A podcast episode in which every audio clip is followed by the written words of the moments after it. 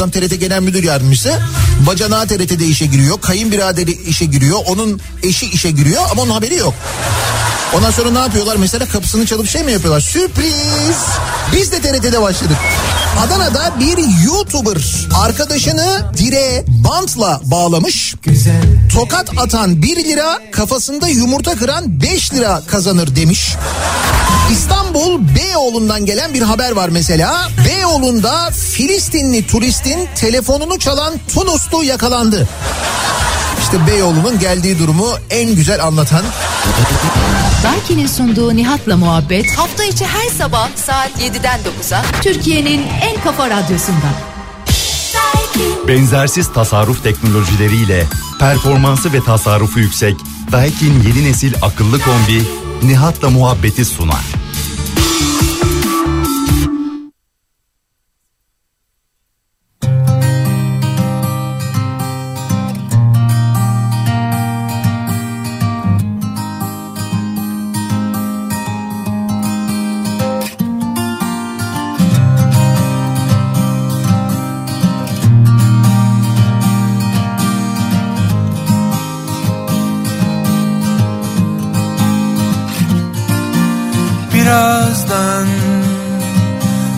Güneş doğacak Açacak çiçek.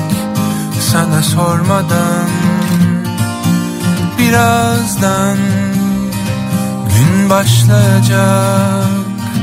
Saatin çalacak hiç utanmadan.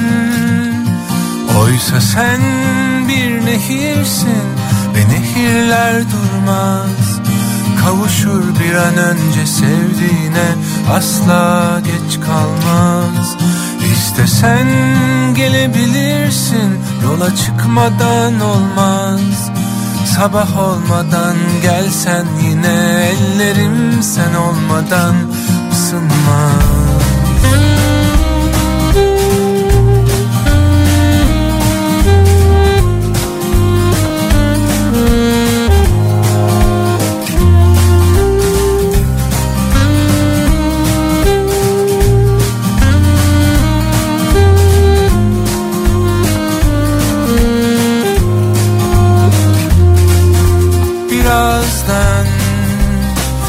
son bulacak.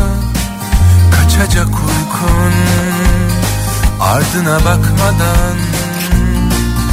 Birazdan yollar dolacak.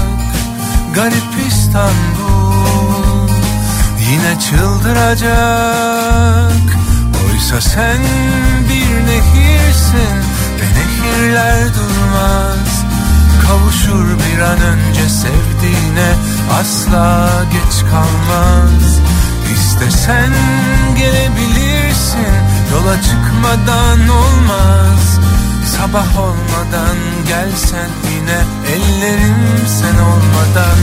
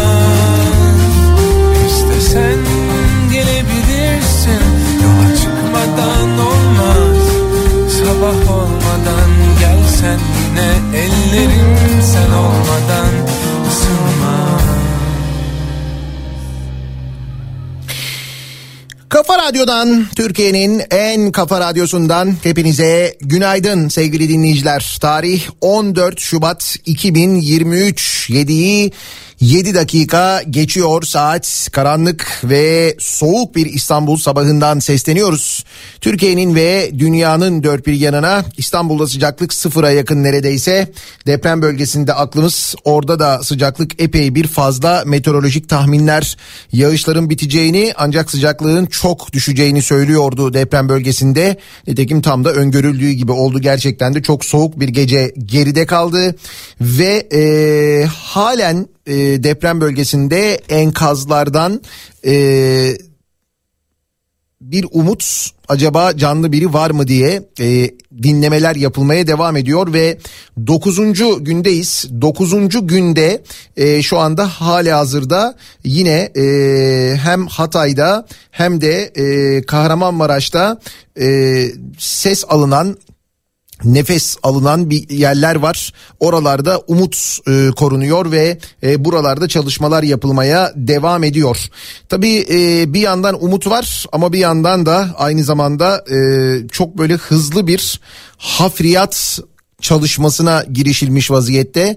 Böyle bir durum da var. Aslında e, İzmit depreminde yaşadığımıza benzer bir şey yaşıyoruz. Orada da böyle olmuştu. Hatta sonrasında Van'da da benzer bir durum olmuştu. İşte bu günlerde aşağı yukarı e, artık tamam umut kesildi yok orada e, kimse denilen e, enkazlara böyle girişilmişti.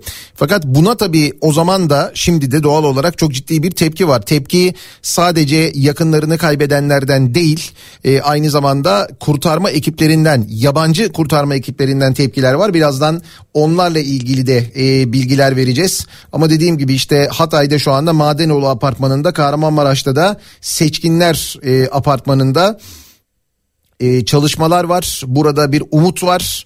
E, enkaz altında canlı birileri olduğu düşünülüyor ve e, burada çalışmalar sürüyor. Şimdi deprem bölgesinden son bilgileri, son gelişmeleri, son yaşananları konuşacağız.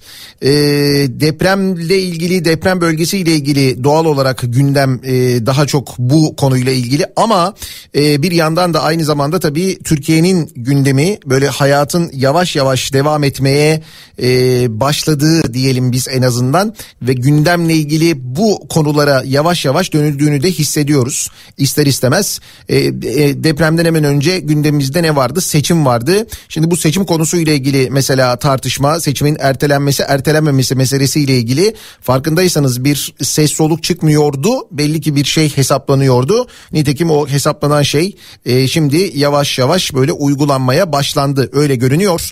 Bülent Arınç'ın dün yaptığı bir açıklama var çünkü çok tartışılıyor. Onunla ilgili de konuşacağız aynı zamanda. Ee, Adana'da da e, arama kurtarma çalışmalarının tamamlandığı açıklaması yapılmış. Bazı ilçelerden bu yönde bilgiler geliyor. Ee, kentte Adana'da enkazlardan 34 kişi sağ kurtarılmış.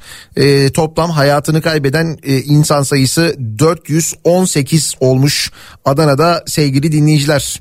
Ee, bunu da Tarım ve Orman Bakanı Vahit Kirişçi e, duyurmuş. Adana'da arama kurtarma çalışmalarını tamamladık e, demiş.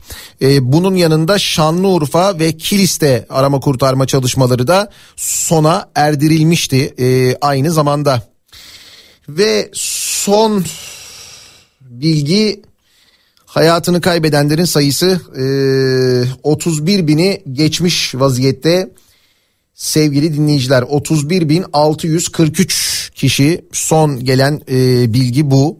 31.643 can kaybı var deprem felaketinde. E, dün konuştuğumuz yine önemli konulardan bir tanesi de şuydu. E, hatırlarsanız Hatay'da yapı denetim ve e, yapı yapı denetim ve yapı malzeme müdürlüğünün yıkılması meselesi vardı. Şimdi düşünün ki bir şehir e, yerle bir olmuş neredeyse ve e, yüksek katlı binalar, iki katlı, üç katlı, beş katlı, on katlı binalar yıkılıyor. Tek katlı bir bina var tek katlı bir bina. Binada yapı denetim yapı malzeme şube müdürlüğü ee, ve burası e, şehirdeki inşa edilen binalarla alakalı yapılan denetimlerin ve laboratuvar sonuçlarının saklandığı yer.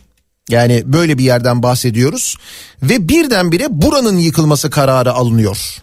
Yani şimdi düşünün ki e, dediğim gibi bu kadar çok riskli bina var. Çok katlı binalar var hasar görmüş.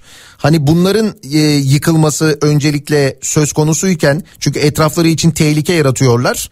Bu binanın yarattığı böyle bir tehlike falan yok. Ve birdenbire bu binanın yıkılması kararı alınıyor. İçi dediğim gibi laboratuvar sonuçları ile dolu. Denetim yapılan e, belgeler var orada işte her şey var.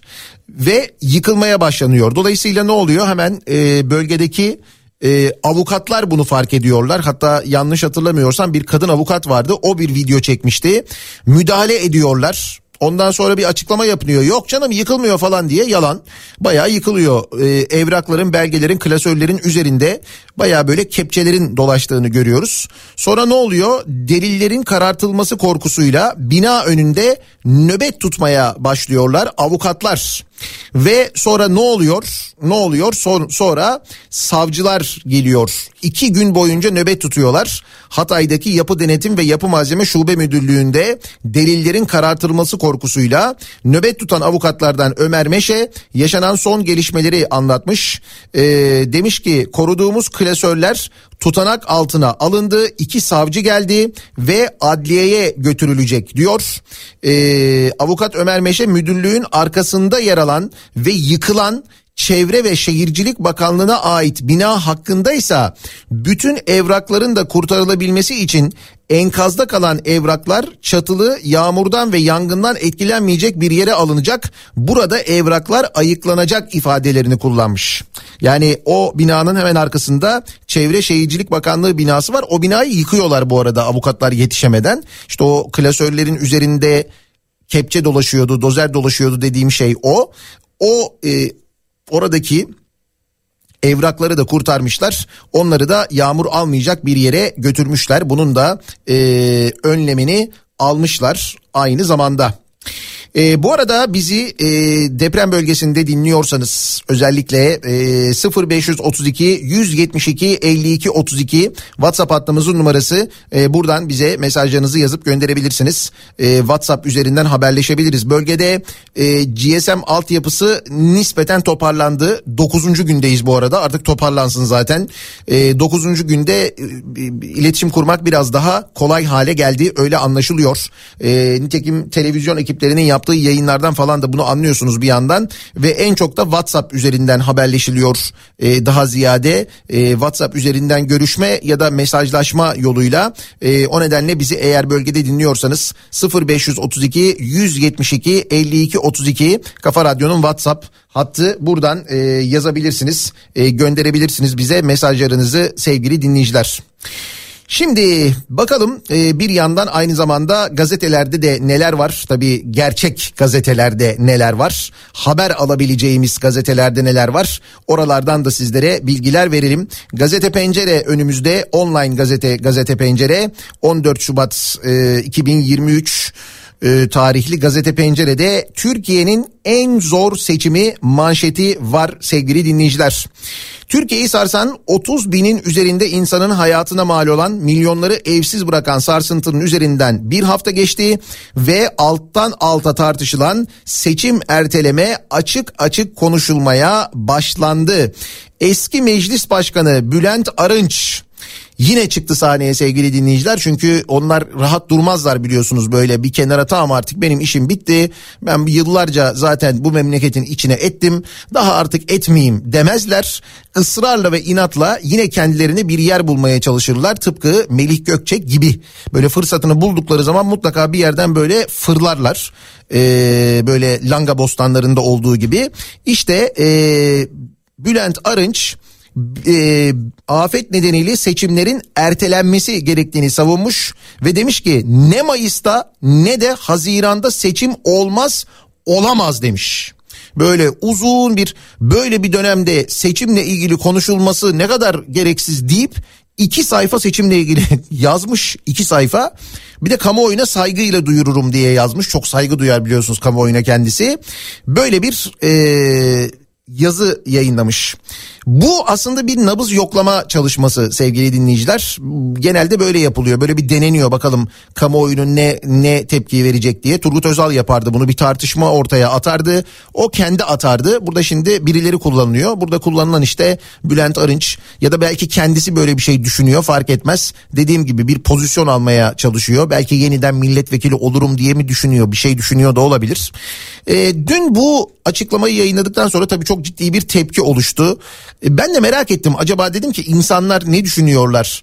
Bu seçimlerin e, işte e, ertelenmesi işte Melik, Gök, e, Melik Gökçek diyorum Bülent Arınç aynı zaten ikisi işte fark etmez. Bülent Arınç'ın bu yaptığı açıklamadaki gibi işte ne, ne Mayıs'ta ne Haziran'da seçim olmaz olamaz ifadesiyle ilgili sordum. Dedim ki bir anket yaptım hani seçim olmalı mı olmamalı mı diye Twitter üzerinden bir anket başlattım. Çok kısa sürede böyle 20 bine yakın oy geldi. Çok ezici bir çoğunlukta bir yüzde 97 seçim olmalı diyor. Tamam evet benim hani beni takip edenler ki rakam çok yüksek Twitter üzerinde ama e, hani belki çok objektif görünmeyebilir fakat yüzde 93'e yüzde 7 hani siz onu nereye alırsanız alın yine de e, bir, bir şey ifade ediyor. Fakat sonra tepkiler gelmeye başladı. Denildi ki bu tartışmayı siz e, meşru hale getiriyorsunuz bu anketi yapmakla yapmayın diye böyle tepkiler gelmeye başladı. Saygı duydum kaldırdım anketi ondan sonra. Benim niyetim çünkü e, meşru hale getirmek değil aslında e, insanların tepkisini e, gösterebilmekti. Maksadım oydu. Çünkü ben de aynı şeyi düşünüyorum. Anayasa açık. Savaş haricindeki bir sebeple e, seçimlerin ertelenmesi mümkün değil. Olmaz yani. İşte meclis toplanır mecliste bir değişiklik yapılır falan diye böyle bir alttan alta muhalefete bir e, şey veriliyor ediliyor. Muhalefeti tehdit ediyorlar aslına bakarsanız. O açıklamayı okuduğunuzda onu anlıyorsunuz. Fakat e, durum böyle değil ve evet anayasaya göre ertelenemez de aynı zamanda savaş haricinde bir durumda. E, HDP'nin eski genel başkanı Selahattin Demirtaş ise Cumhurbaşkanı'nın seçimleri erteleme niyeti olduğunu iddia etti anayasayı yok saymaya hazırlanıyorlar dedi. Şimdi tabii içten içe diyoruz ki olur mu öyle şey? Anayasayı hiçe sayarlar mı? Kanun var, anayasa var diyoruz. Sonra bir an böyle bir titreyip kendimize gelip Türkiye'de yaşadığımız aklımıza geliyor. Maalesef e, kanunların ne kadar e, laçka hale getirildiğini nasıl mahkemelerin, kanunların, anayasanın, yasaların e, görmezden gelindiğini ve böyle saygı duyulmadığını kafalarına göre takınıldığını biliyoruz hepimiz değil mi? Üç aşağı beş yukarı. Eee Seçimin tarihinin değiştirilip değiştirilmeyeceği her ortamda konuşuluyor ancak henüz bir karar yok. Kararda Yüksek Seçim Kurulu'nun seçmenlerin durumuna ilişkin çalışması etkili olacak. Farklı senaryolarsa bu haftadan sonra tartışılır diyor Nuray Babacan e, gazeteye pencerede. E, ve Gelecek Partisi e, parti sözcüsü Serkan Özcan Arınç'ın açıklamasını alıntılayarak açık anayasa hükmüne rağmen aksi yönde atılacak her adım bizim ve milletimizin gözünde sivil darbe olarak değerlendirilir ifadelerini kullanmış. Yapar mı böyle bir sivil darbe gerçekten de olur mu acaba diye düşünüyor insan AKP böyle bir şey yapar mı? Ceza hukuku profesörü Adem Sözüer hukukçu gözüyle seçimin ertelenmesinin ancak anayasa değişikliğiyle mümkün olacağını vurgulamış. Sözüer'e göre depremin yarattığı atmosfer sebebiyle seçimlerin ertelenmesi gerekiyor. Ancak bunun için Cumhurbaşkanı'nın muhalefeti ikna etmesi, meclisin anayasa anayasa değişikliğine gitmesi şart. Ve Deprem bölgesine dönüyoruz. Malatya'dan isyan, çadırımız yok. İyi Parti Genel Başkanı Meral Akşener deprem bölgesinde incelemelerini Malatya ile sürdürmüş. Malatya'da Akşener'in dinlediği bir depremzede milletin çadıra ihtiyacı var. 25 kişi bir çadırda yatıyoruz demiş. Depremzede bölgede binlerce çadıra ihtiyaç olduğunu söylemiş. İyi Parti lideri ihtiyacı not ettirmiş. Çözüm için çaba sarf edeceği sözünü vermiş.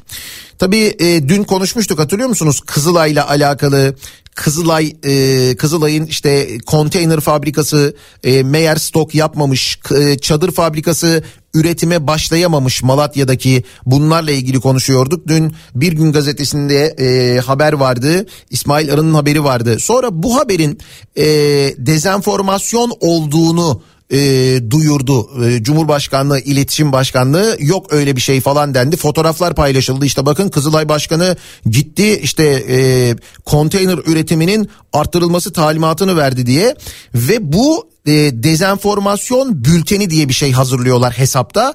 O bültende kullandıkları fotoğraf eski fotoğraf çıktı sevgili dinleyiciler. Yani dezenformasyon bülteninde dezenformasyon var. Öyle söyleyeyim size. E, o fotoğrafların e, depremden önce e, çekildiği, Kuzulay Başkanı'nın depremden önce bu tesise gittiği anlaşıldı. Deprem bölgesinde 8. günde de yani dün mucize haberleri vardı. Yakınları enkaz altından çıkarılanların sevinci, şahit olanların gözlerini yaşarttı. O karelerden birisi Hatay'da Saadet Sentag'ın kurtarılması sırasında çekildi diyor. Ee, yine gazete penceredeki haber. Ve Antakya'da 51 yaşındaki Emine Doğu'nun kurtarılışı ve kurtarıldıktan sonra verdiği tepki sevgili dinleyiciler. 138 saat sonra kurtarılmış ve hastaneye giderken kurban olayım beni özele götürmeyin param yok demiş. Sağlıkta devrim yapmıştık biz değil mi? Doğuya müdahale eden sağlık ekibi ise bütün özelleri sana kurban ederim diye kadını teselli etmiş. Ve iki günde dört kez karar değiştirdi. YÖK offside'da kaldı diyor haber. Üniversitelerin uzaktan eğitime geçmesi tartışması e, devam ediyor. Üniversitelerdeki yüz yüze eğitimi durduran YÖK kararına tepki yağıyor. Ancak o kararın kurum içinde sürpriz olduğu anlaşılıyormuş. MEF Üniversitesi Rektör Yardımcısı Profesör Erhan Erkut, YÖK'ten 9 ve 10 Şubat'ta 4 ayrı yazı geldiğini, gelen ilk yazıda eğitime ara verildiği bilgisinin yer aldığını, ikinci yazıda eğitimin sürdüğü kurumların programını bozmamasının istendiğini, üçüncü yazıda bir an önce eğitime hazır olunmasının talep edildiğini anlatmış. Son yazıysa Cumhurbaşkanı'nın açıklamasından sonra üniversitelerde yüz yüze eğitimin bitirildiğine ilişkinmiş. Yani böyle bayağı bir kafa karışık yok da ne yapacağını anlaşılan bilmiyor. Çünkü her şeye işte bir kişi karar verirse borsada yaşanan e, olayın bir benzeri burada da yaşanıyor. Şimdi e, bir kişi karar veriyor o bir kişiye o kararla ilgili ulaşmak lazım. E, ulaşamıyorsunuz yoğunluk var çünkü değil mi böyle bir durum da var aynı zamanda. Bu borsa meselesiyle ilgili de konuşacağız ama bu arada CHP Genel Başkanı Kemal Kılıçdaroğlu depremden sonra 3 gün açık kalan borsadaki kayıpları sormak için SPK'ya Sermaye Piyasası Kurulu'na gitmiş.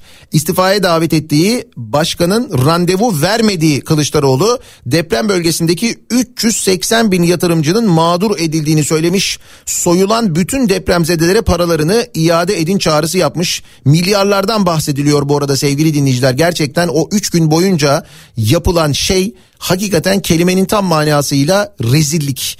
Yani dünyanın hiçbir yerinde olmayacak bir hadise ki biz bunu daha önce yaşadık. 99 depreminde hemen borsa kapanmıştı. Ee, burada 3 gün boyunca borsa kapatılamadı. Niye? Çünkü onun için de bir kişiden izin almak gerekiyordu. O bir kişiye ulaşılamadığı için 3 gün boyunca yoğunluktan 3 gün açık kaldı deniyor ama o 3 günde neler olmuş neler işte. Orada e, deprem bölgesinde 10 şehir var. Çok büyük bir nüfus var. O nüfus içinde de borsada kağıtları olan var. İşte onların kağıtları falan hepsi çöp oldu gitti. Mansur Yavaş'ın İGA serzenişi yine gazete pencerenin birinci sayfasında yer alıyor. Ankara Büyükşehir Belediye Başkanı Mansur Yavaş Hatay Havalimanı'nın onarımı konusunda İGA'nın sosyal medyadan yaptığı paylaşımda Ankara Büyükşehir Belediyesi'nin logolarının görünmeyeceği şekilde uzak çekim yapıldığını söyleyerek tepki göstermiş. Yavaş Ankara Büyükşehir Belediyesi ekibi çalışmaya başladığında havalimanında kimsenin olmadığını hatırlatmış. Bunlar ayıp şeyler demiş. Bu seçim tartışmasına tekrar döneceğiz ama dediğim gibi e, şimdi deprem bölgesinden gelen bilgiler var. Bu arada Hatay Havalimanı ile ilgili e, Mansur Yavaş'ın açıklamasının haricinde bir bilgi daha var. Şimdi limanın e, pistinin Hatay Havalimanı pistinin e, 2000 metrelik bölümü aşağı yukarı açılmış. Pist dolayısıyla 918 metre kısalmış. Bu da e, büyük nakliye uçaklarının inişinin e, inişini engeller bir e, durummuş. Öyle diyor buradaki haber. Bakanlığın açıklamasında notama dair bilgi verilmedi diyor. Ee, haber burada Kahramanmaraş merkezli iki depremin hasara yol açtığı Hatay Havalimanı uçuşları açılırken pistin 918 metre kısaldığı anlaşıldı. Ulaştırma ve Altyapı Bakanlığı e, depremler sebebiyle pistte pistinde hasar oluşan Hatay Havalimanı'nın 12 Şubat pazar günü hizmet vermeye başladığını açıklamış. Bakanlığın açıklamasında afet bölgesine gönderilen lojistik yardımının ulaştırılması için hayati önem teşkil eden Hatay Havalimanı'nın pistinin öncelikli olan 2 kilometrelik bölümündeki çalışmalar 12 Şubat pazar günü itibarıyla tamamlanarak operasyona hazır hale getirildi denilmiş. Ee, yayınlanan notamla 3000 metre olan pistin 2000 metreye düşürüldüğü de belirtilmiş. Ee, bu arada çalışmaların bittiği açıklanmasına karşın havalimanının 17 Şubat'a kadar notamlı olduğu e, da öğrenilmiş aynı zamanda. Pilotlar kalan 2082 metrelik kısmına büyük nakliye ve yolcu uçaklarının inmesinin mümkün olmadığı konusunda hemfikir diyor burada haber. Bizi dinleyen pilot dinleyicilerimizden bilgi alalım. Ee, mümkün değil mi gerçekten? Şimdi 737 tipi bir uçağın indiğini e, gördük. Demek ki dar gövdeli yolcu uçakları inebiliyor. Onu anlıyoruz. Yani Türk Hava Yolları'nın e, ve Pegasus'un Hatay seferlerinin e, başladığı bu seferler için rezervasyon alındığı yönünde bilgiler var. Ama e, gerçekten de e, mesela askeri nakliye uçakları büyük uçaklar inemiyorlar mı ya da kargo uçakları inemiyorlar mı? Şimdi Türk Hava Yolları'nın kargo uçakları var geniş gövdeli uçaklar bunlar. Airbus 330 Boeing 777 uçakları var. Nitekim e, silahlı kuvvetlerin A400M'leri var. E, Herkül uçakları var. Bunlar acaba inemiyorlar mı? Bu 2000 82 metrelik piste e, onu bu konuda tecrübesi olanlara soralım. Bu arada bahsi geçen notam e, havacıları uçuş ve yer emniyetini etkileyebilecek bazı önemli durumlardan haberdar etmek için yayınlanan bildiriye verilen at. Notam denilen şey bu aynı zamanda e, onu da söylemiş olalım. Ve e, deprem konuşurken biz aklımız, yüreğimiz, her şeyimiz oradayken kulağımız, gözlerimiz orada neler olup bittiğini takip ederken o sırada şimdi işte mesela yine seçim gündemine yavaş yavaş dönülüyor. Erken seçim e, daha doğrusu seçim ertelenmeli mi ertelenmemeli mi tartışmasıyla bu ortaya çıkmış vaziyette ama şimdi bir yandan hayat devam ediyor. Fakat devam etmemesi gereken yerlerde devam ettiğini de görüyoruz. Şöyle ki TOKİ'den depremin ilk iki gününde iki tane millet bahçesi ilanı, ihale ilanı çıkmış sevgili dinleyiciler. Yani depremin olduğu ilk iki gün e, ihaleler e, yapılmış. Millet bahçesi Rize ve Ankara için millet bahçesi ilanları e, çıkartılmış. Sözcüden Deniz Ayhan'ın haberine göre elektronik kamu alımları platformunda yer alan bilgilerde TOKİ'nin depremin ilk günü olan 6 Şubat 2023'te Rize Merkez Millet Bahçesi yapımı ihalesi için ilana çıktığı görülmüş. İhalenin 6 Mart 2023'te düzenleneceği duyurulmuş. Depremin hadi bu diyelim ki ilk gün ya hani atlanmış olabilir işte böyle bir memleket panikte tamam o belki anlaşılır. İkinci gününde e, bu kez Ankara Keçiören Bağlum Karşıyaka Millet Bahçesi ihalesinin ilanı açılmış. 7 Şubat 2023'te bu da TOKİ tarafından yayınlanmış. Hani biz böyle bir şey bekliyoruz ya bir olağanüstü hal bekliyoruz. Yani zaten o hal ilan ediliyor o bölgede de hani devletin kurumlarında da benzer bir şey bekliyoruz. Özellikle TOKİ'den mesela daha tamam biz şu anda her şeyi durdurduk. Tamamen deprem bölgesine odaklandık falan gibi bir şey beklerken o sırada meğer Millet Bahçesi ihalesine e, çıkılıyormuş sevgili dinleyiciler. Bir yandan da böyle bilgiler böyle haberler geliyor deprem bölgesinden. Ee, kısa bir ara verelim.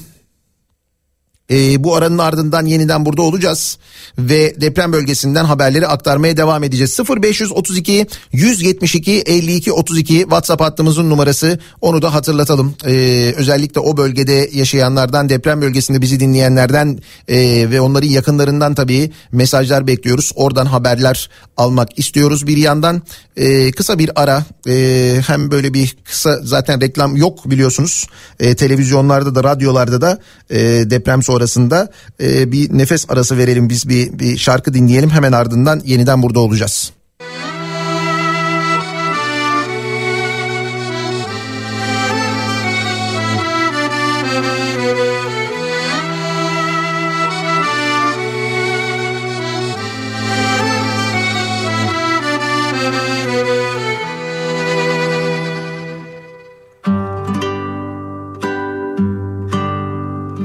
Bugün. Yudum yudum içtim seni. Hatıralardan bir kadeh. Dilimde hiç eskimeyen bir şarkı gibi. Söyledim söyledim seni. Dönüyorum plaklar gibi sarhoş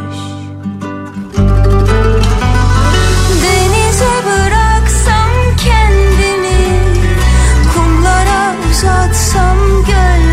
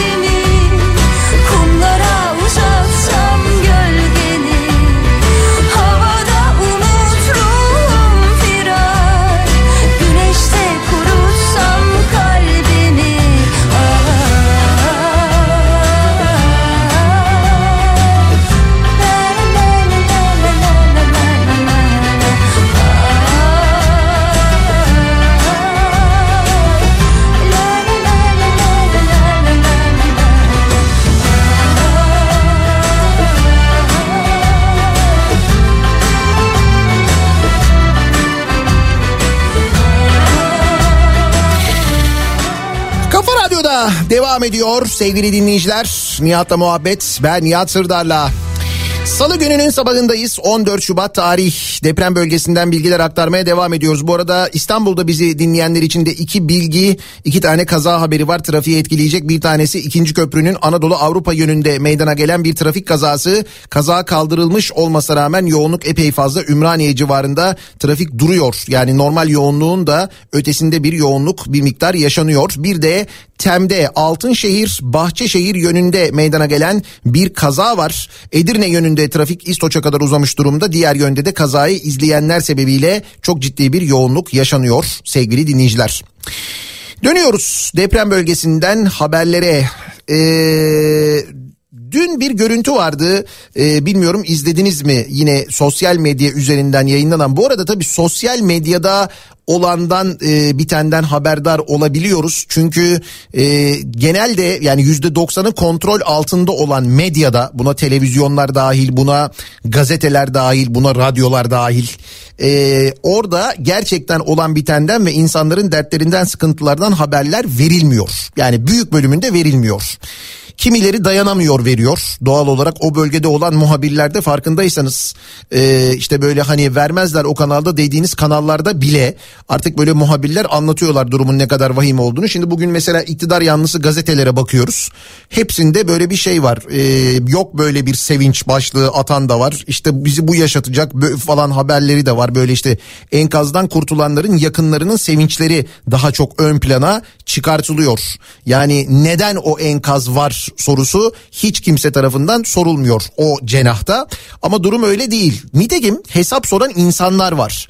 O bölgede yaşayan insanlar var. Gaziantep'te sevgili dinleyiciler Şahin Bey Belediyesi tarafından yapılan evler hasar görüyor. Bak belediye yapmış evleri ve bu hasar gören sitedeki yöneticilerden bir tanesi ki kendisi belediye çalışan aynı zamanda belediye yani arıyor oraya gelenler e, gelenler kontrol edenler diyorlar ki bir şey yok diyorlar gidiyorlar. Binaların sadece altına bakıyorlar ve gidiyorlar. Diyorlar ki ya üst tarafa bir bakın oturulacak gibi değil evler işte e, işte e, yan yatan böyle böyle yana doğru eğilen ev var falan filan dinlemiyor gidenlerden bu gelen yetkililer. Sonra belediye başkanını arıyorlar. Mehmet Tahmazoğlu Şahin Bey belediye başkanı ki biz kendisini yaptığı ihalelerden falan tanıyoruz. Daha önceki haberlerden Şahin Bey Belediyesi'nin yaptıklarını hatırlayınız. İşte böyle okçuluk mokçuluk falan tesisler kurmuştu değil mi? Böyle acayip paralar harcayıp. Neyse e, bir telefon görüşmesi gerçekleştiriyor o sitenin görevlisi. Belediyenin yaptığı sitenin görevlisi. Adam anlatıyor derdini böyle böyle diyor. Başkan diyor ki hududunu bil diyor. Konuştuklarını bil diyor. Sen mi diyor anlayacaksın mühendisten daha iyi diyor falan. Böyle adamı baya baya fırçalayıp kapatıyor telefonu. Sonra ne oluyor? Ee, yine bu belediye evlerinde oturanlardan bir tanesi bir vatandaş bu evlerin durumunu sosyal medyada çekiyor paylaşıyor. Bunun üzerine Şahin Bey Belediye Başkanı bu vatandaştan şikayetçi oluyor sevgili dinleyiciler. Ve Gaziantep'te e, polis işi gücü bırakıyor. Belediye başkanı şikayetçi oldu diye bu vatandaşı e, kaldığı köydeki çadırda buluyor ve gözaltına alıyor gece yarısı. Evet Gaziantep'te Şahin Bey'de bu yaşanıyor. Belediyenin yaptırdığı ve depremden zarar gören evinin zarar gördüğünü sosyal medyada yayınladı diye belediyenin başkanı vatandaştan şikayetçi oluyor. Bir depremzededen şikayetçi oluyor. Polis de bu şikayeti ciddiye alıyor. Gidiyor vatandaşı kaldığı köyde kaldığı çadırdan e, gözaltına alıyor. Bu yaşandı dün Türkiye'de ya. Bakın bu yaşandı. Şimdi siz e, eğer tepki vermezseniz bu insanlara bu belediye başkanı da böyle belediye başkan yardımcısı da böyle milletvekili de böyle bakanı da böyle böyle daha da yukarıya çıkın fark etmez. Siz eğer tepki vermezseniz siz sesinizi çıkarmazsanız hani çok meşhur bir laf vardır gelirler tepenize çıkarlar derler ya işte böyle çıkarlar böyle yaparlar kendilerinde bu hakkı bu gücü görürler. Milletvekili depremzedeyi fırçalayabilir sen provokatörsün diye bağırabilir. Geçen gün Diyarbakır milletvekilinin bağırdığı gibi. Belediye başkanı sizi gözaltına aldırabilir. Gaziantep Şahin Bey'de yapıldığı gibi. Biz sesimizi çıkarmazsak siz sesinizi çıkarmazsanız kendilerinde bunu hak görüyorlar çünkü. Ya böyle bir böyle bir şey var. Herkes kendini şey zannediyor böyle. Herkes kendini ülkenin tek böyle e, şeyi zannediyor, lideri zannediyor. Bir tek o var yani. O, o ilçede bir tek o var. O ne derse o olur. Nitekim öyle davranıyor işte baksanıza belediye başkanının depremzedeyi bu şekilde gözaltına aldırması neymiş ya? Ha ne olur Gaziantep'te e, Şahin Bey ilçesinde bir sonraki seçimlerde bu arkadaş aday olur mu onu bilmiyoruz. Olursa seçilir mi? Mesela kesin olarak seçilmez de diyemiyoruz bu arada. Çünkü bundan insanların haberi olmuyor. Az önce bahsettiğim medyanın yüzde doksanının kontrol altında olması meselesi aslına bakarsanız biraz da o var yani. Hatay'da yıkılan binanın müteahhidi depremzede olarak kaldığı otelde yakalanmış sevgili dinleyiciler. Hatay'da yıkılan binanın müteahhiti Antalya'nın Manavgat ilçesinde depremzedeyim diye 5 yıldızlı bir otelde kalıyormuş. Kule apartmanının müteahhiti Ömer Cihan. Sağlık kontrolü ve parmak izi tespitinin ardından adliyeye sevk edilmiş e, ve daha sonra tutuklanmış. Düşünebiliyor musunuz? Bu Cihan İnşaat firması tarafından Hatay'da yapılan kule apartmanı yıkılmış. Enkaz altında vefat edenler ve yaralananların yakınları apartmanı yapan firmanın sahibi Ömer Cihan'dan şikayetçi olmuş. Şikayet üzerine Ömer Cihan hakkında yakalama kararı çıkartılmış. Ailesiyle Manavgat'a giderek Titreyen Göl Turizm Merkezi'nde bulunan 5 yıldızlı bir otelde depremzede olarak kaldığı belirlenen Ömer Cihan, ilçe jandarma komutanlığı ekipleri tarafından dün gözaltına alınmış e, adliyeye sevk edilmiş ardından tutuklanmış.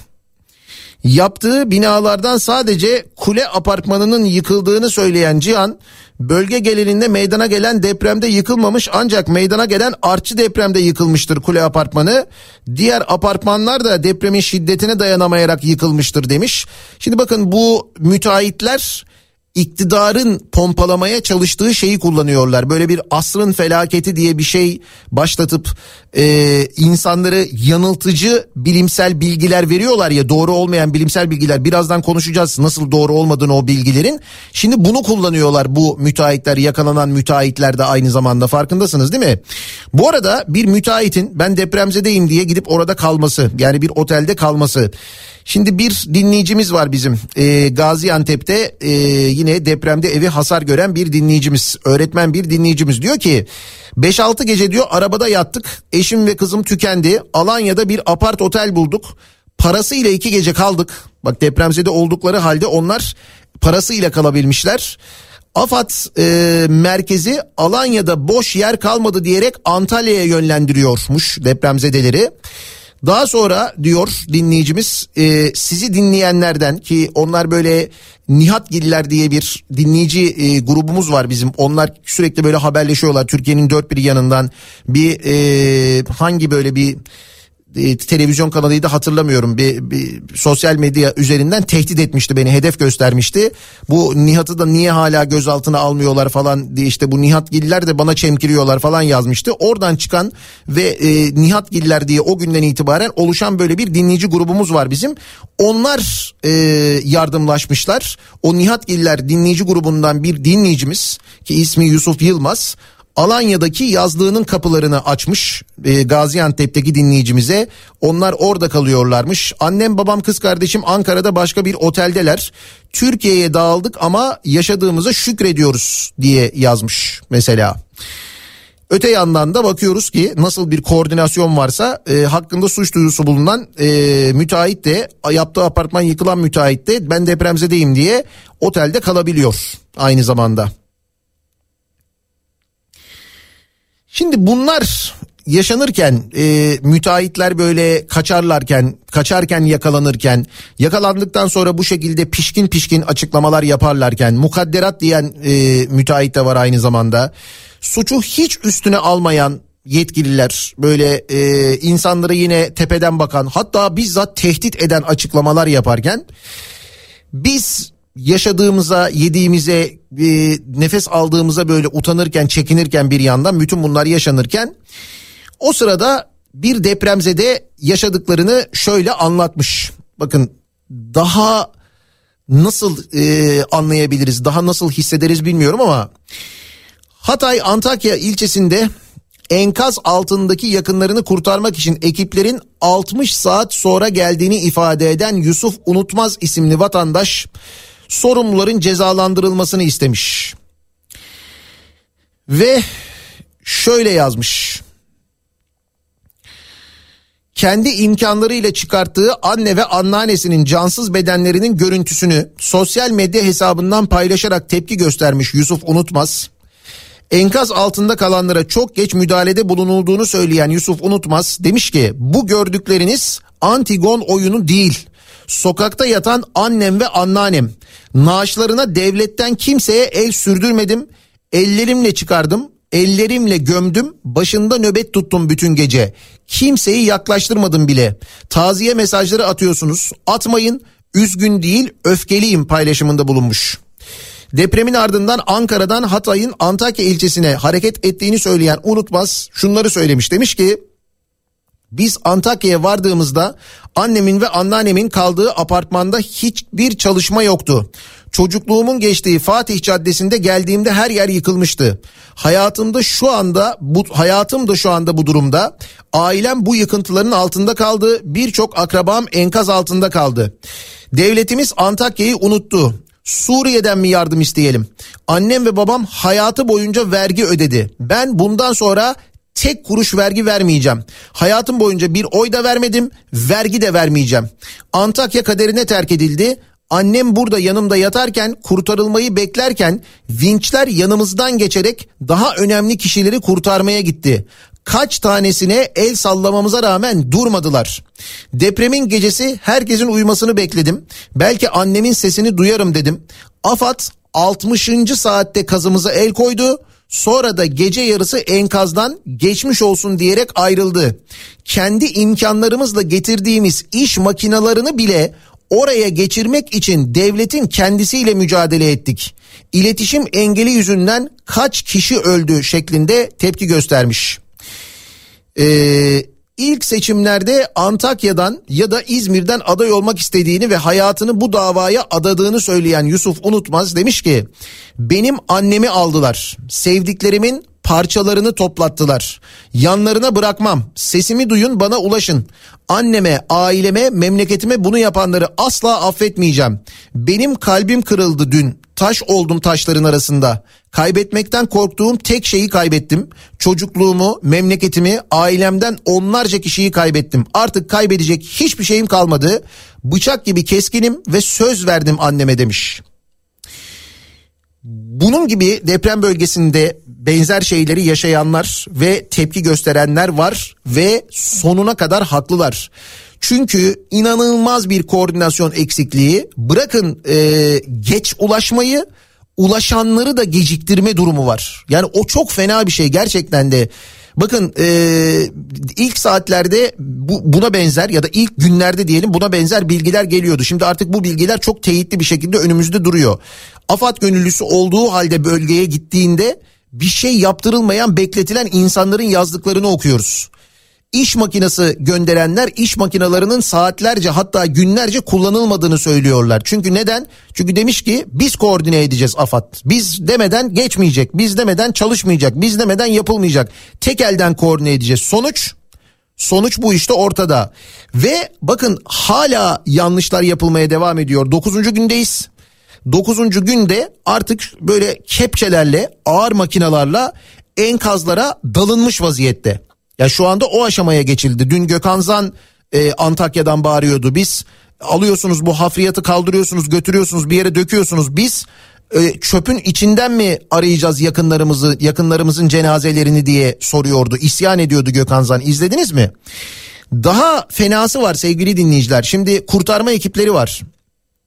Dünyanın dört bir yanından gelen kurtarma ekipleri e, kurtarma ekipleri terk ediyorlar Türkiye'yi ve terk ederken havalimanında e, açıklamalar yapıyorlar. Bir İspanyol televizyonuna konuşmuşlar. O röportajı izlediniz mi? Birçok ülkeden e, kurtarma ekibinin verdiği röportajlar var ve diyorlar ki e, bu röportajlarda e, ki bölgedeki gazeteci arkadaşlarımla konuştum ben. Onlar da kurtarma ekipleriyle görüşmüşler. Benzer şeyleri söylüyorlar. Türk ekipleri e, yani Türkiye'de işte bu afet yönetimini yapanlar ağır iş makinalarını enkazların üstüne çıkardılar ve bu şekilde bizim burada çalışmamız mümkün değil. Ee, eğer bir yaşam belirtisi varsa enkazın altında onların yaşama şansı kalmadı. Bizim de yapacak işimiz kalmadı. Biz bu şekilde çalışamayız deyip toparlanıp gidiyorlar kurtarma ekipleri. Bu sebeple gidiyorlar biliyor musunuz? Bakın e, China Times'ın bir haberi var. E, bunu dün önce Nevşin Mengü paylaştı. China Times'ın haberine göre diyor Nevşin Mengü, Adıyaman'da arama kurtarma yapan Tayvanlı ekip göçük altında kalan bir kişiye tam ulaşacakken gelen Türk ekip tarafından uzaklaştırılmış. Haberde bütün işi Tayvanlı ekip yaptı. Türk ekip kendi yapmış gibi gösterdi deniyor.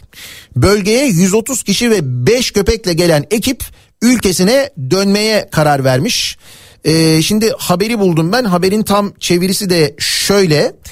Ee, ki burada aklımıza o Mehmet Akif Ersoy'un e, bundan dört gün önce söylediği geliyor. Hatırlıyor musunuz? Hani ne diyordu? Burada çok insandan duydum ben diyordu Mehmet Akif Ersoy. Ee, birbirinin depremzedesine çökmeye varan rekabeti anlatmıştı. Hatırlıyor musunuz hani insanlar ekipler çalışıyorlar mesela madenciler çalışıyorlar ya da Tayvanlı ekip çalışıyor. Tam artık böyle depremzedeye ulaşılacak çat bir anda bir ekip geliyor. Şimdi kim söylemiyordu onu Mehmet Akif Ersoy fakat anlıyoruz ki AFAD ekibi geliyor. Diyor ki tamam diyor bundan sonrasını biz alırız diyor. Oradakileri çekiyorlar. Gerçekten çalışan ve o ana kadar kurtarmaya çalışan ekibi kenara alıyorlar. O sırada e, televizyon kameraları geliyor ki özellikle de işte A Haber'di, ATV'di bilmem neydi onlar geliyorlar. Ve bir bakıyoruz böyle işte AFAD ekipleri çıkartıyor. Böyle şeyler tekbirler eşliğinde falan. Ve orası inanılmaz kalabalık. Çıkan şoka giriyor. Böyle şeyler yaşanıyor falan. Ve bakın bu nelere sebep oluyormuş işte ve kimlere yapmışlar bunu. China Times'ın haberine göre Tayvanlı 130 kişilik ekip Adıyaman'da Arama Kurtarma Derneği ile yani AKUT'la birlikte çalışmış. Arama kurtarmada kritik saatler geçtiği için dün Tayvan'a dönmeye karar veren ekipte çevirmen olarak yer alan Tungay Üniversitesi'nden Profesör Yılmaz Keskin ee, Tayvanlı ekibin kurtarma faaliyetine çöküldüğünü anlatmış China Times'a. Ona göre enkaz altında hayatta kalan birileri olduğunu fark eden Tayvanlı ekip çalışmalarını tamamlamak üzereyken yetkililer tarafından kibarca uzaklaştırılmış. Ama bunu kibarca yapıyorlarmış yapmışlar yani. Tahliyeyi yetkili ekiplerin yaptığını anlatan e, bu Tayvan ekibinden bir yetkili amaçlarının ün kazanmak olmadığını söyleyerek Tayvan arama kurtarma ekibi oyuncak muamelesi gördü demiş. Tayvan'da e, Ulusal İtfaiye Kurumu açıklama yayınlayarak arama kurtarma operasyonlarının insani kurtarma bakış açısı ve ruhuna dayandığını belirtmiş bu arada. Yani bu insanlar bunu yaşıyorlar bu kurtarma ekipleri. Yabancı basına bunu söylüyorlar. Az önce söyledim size bir İspanyol televizyonuna röportajlar veriyordu. Alman ekibi, Çek ekibi onlar konuşuyordu. Bakın Tayvan ekibi işte bir başka yabancı ajansa konuşmuş. Şimdi onlar anlatıyorlar yaşadıkları şeyleri. Kimden korkacaklar ki? Korkacakları biri yok. Anlatıyorlar ve ülkelerine döndüklerinde de anlatacaklar bu yaşanan durumu. Ya bu var ya bu yaşanıyor enkaz başında olur mu böyle şey? Ha buyur işte bir başka görüntü var. Bu yabancılara bu muameleyi yapmışız kurtarma ekiplerine.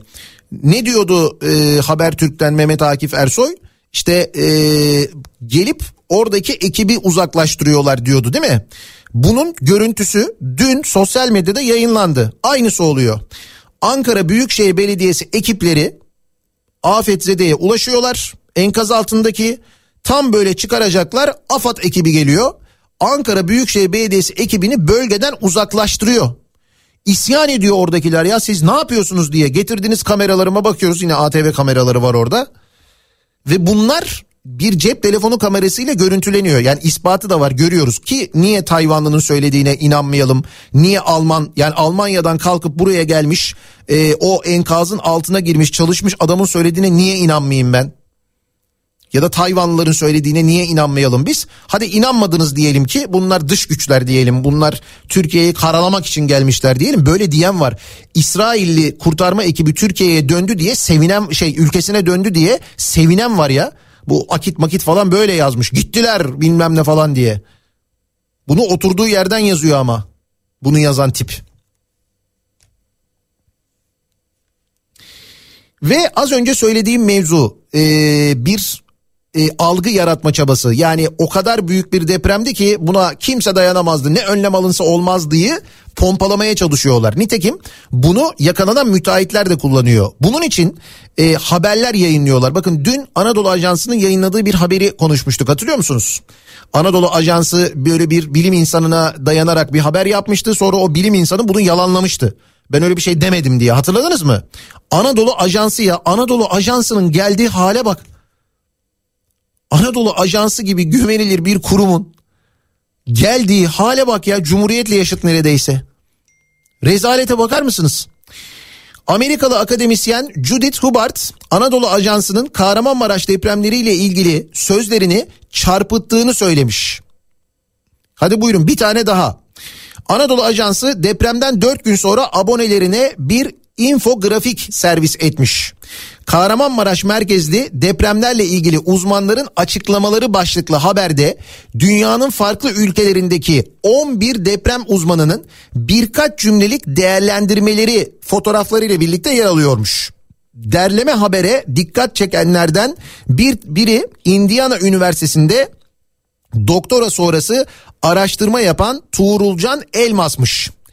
Elmas ne yazık ki Türk medyası birçok sismologla onlardan bir şeyler öğrenmek için değil deprem kaldırılamayacak kadar büyüktü anlatısını güçlendirmek için röportaj yaptı. Oysa uzmanlar deprem yönetmeliğinin uygulanmasındaki ihmallerin de altını çizdiler diye yazmış.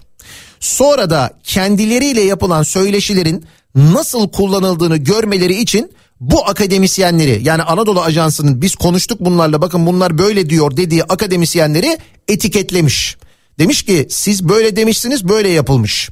Bunun üzerine Amerika'daki Cornell Üniversitesi'nden Doktor Judith Hubbard habere ilk tepki verenlerden biri olmuş. Profesör Hubbard demiş ki bir deprem bilimcisi olarak insanların söylediklerimi yanlış anlamalarına alışkınım. Daha iyi anlatmak benim sorumluluğum dedikten sonra Anadolu Ajansı'nın haberini şöyle yorumlamış. Ancak demiş bir hükümetin yanıltıcı bir anlatıyı zorlamak için sözlerimi çarpıtması fikri yeni ve dehşet verici.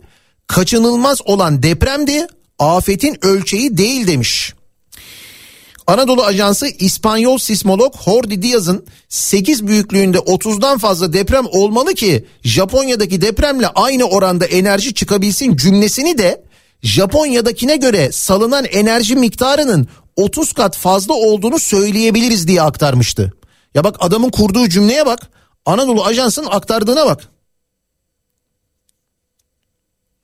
Neler e, görüyoruz, neler yaşıyoruz gerçekten anlaşılır gibi değil ya.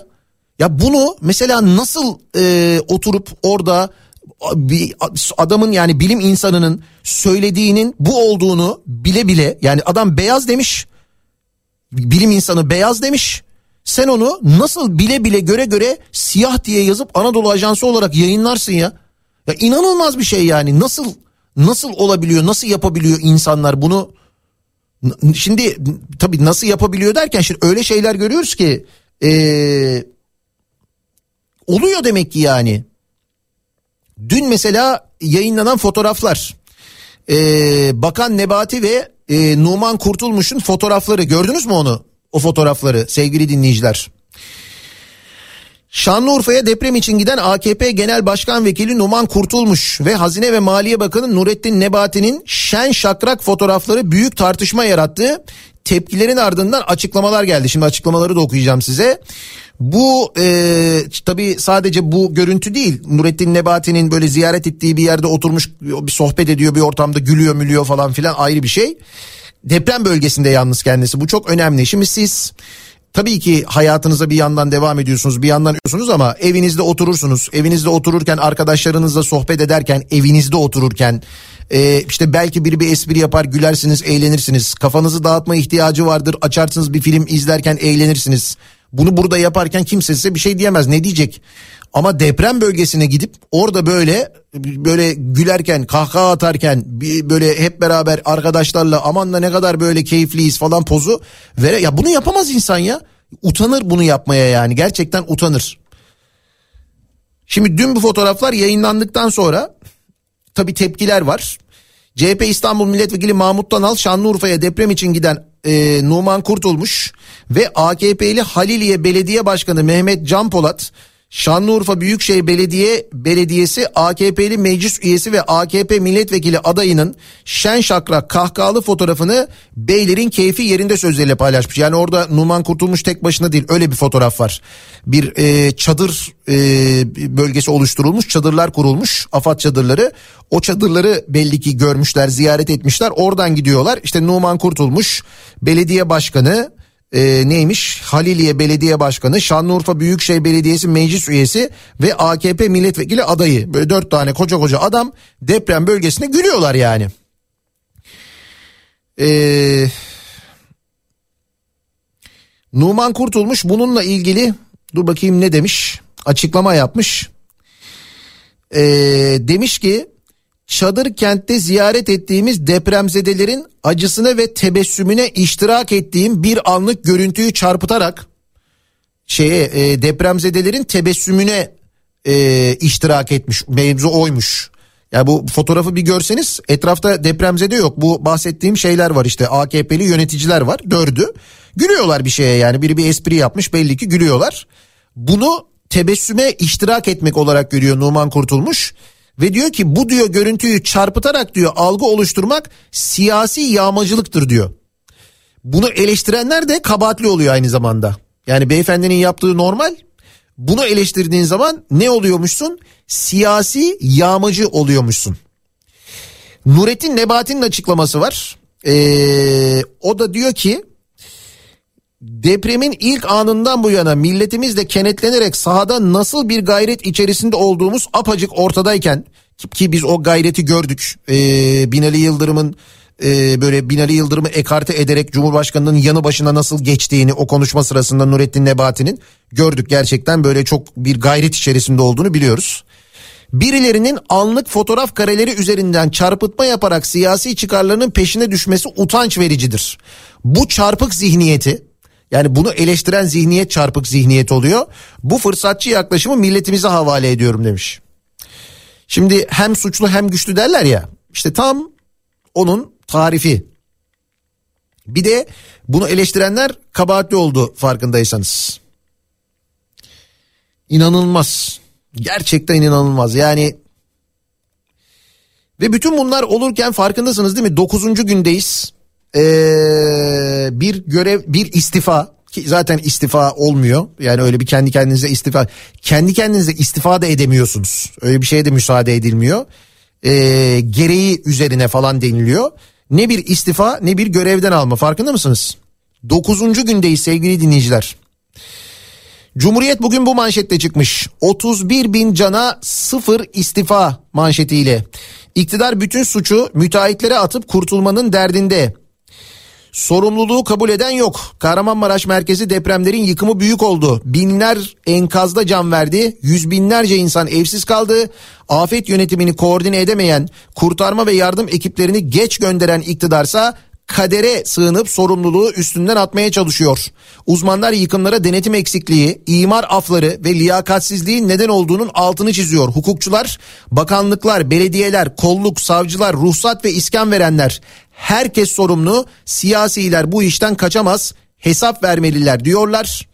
Japonya'da 2011'de yaşanan deprem ve tsunami sonrasında Başbakan Naoto Kan Almanya'daki sel faciasından sonra İçişleri Bakanı e, Levent istifa etmiş. Portekiz'de 2017'deki yangın sonrasında İçişleri Bakanı görevi bırakmış. Bizde zaten kendi kendine bırakamıyorsun bırakmana da müsaade etmiyorlar. Ki ben sanmıyorum bizimkilerin böyle bırakmak istediklerini öyle bir durumları olduğunu yani. Yıkımın perde arkası haberi var. Kendi kendilerini denetlediler. Hatay il merkezinde faaliyet gösteren 5 yapı denetim şirketinin sahipleri inşaatçı çıkmış sevgili dinleyiciler. Nasıl güzel bir denetleme sistemimiz var değil mi? Depremde AKP'li öz döşemeciye ait yapı denetim şirketinin bulunduğu bina da yıkılmış bu arada. Yani Hatay'da yapılan inşaatları denetleyen yapı denetim şirketinin bulunduğu bina da yıkılmış. Düşünün bu firma denetliyor.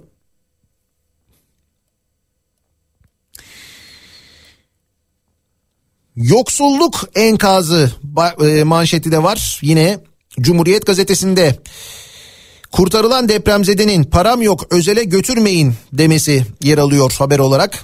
AKP'nin ülkeyi sürüklediği ekonomik kriz afette de kendini gösterdi. Hatay'da yıkılan binanın enkazından 138 saat sonra yaralı çıkarılan Emine Doğu sağlık ekibine param yok ne olur beni özel hastaneye götürmeyin demiş.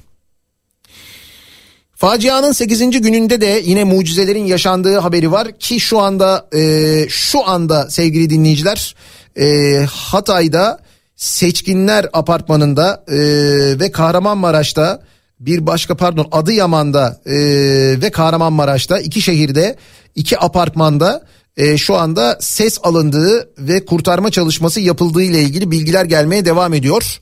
Serap Dönmez 176. saatte sağ kurtarılmış. Oğlu sevincini anne diye bağırarak göstermiş ki o fotoğraf bugün hemen hemen bütün gazetelerde var. Mucizeler kurtarma çalışmaları keşke zamanında başlasaydı dedirtmiş. İşte başından beri konuştuğumuz mesele. Uzaktan eğitim kararı ile ilgili e, tepki yine Cumhuriyet'in birinci sayfasında var. Kredi Yurtlar Kurumu yurtları depremzedelere açıldı. Üniversiteler uzaktan eğitime geçti. Profesör Doktor Selçuk Şirin çocukların ve gençlerin rutinlerine dönmesi gerek. Onları evlere hapsetmek yaşadıkları travmayı daha da büyütecek bir adım demiş. Depremde kaybolan ve kayıp ilanı verilen çocuk sayısı 138'e çıkmış sevgili dinleyiciler bu arada böyle bir bilgi de var. Ve e, muhalefet seçim 18 Haziran'da olmalı dedi haberi var. e, Cumhuriyet'te e, zannediyorum tabii gece geç saatte yaptığı için o açıklamayı Bülent Arınç bu e, gazetelerin basılı birinci sayfalarına yansımamış. Demin dediğim gibi gazete pencerede vardı. Birazdan onlara daha detaylı bakarız.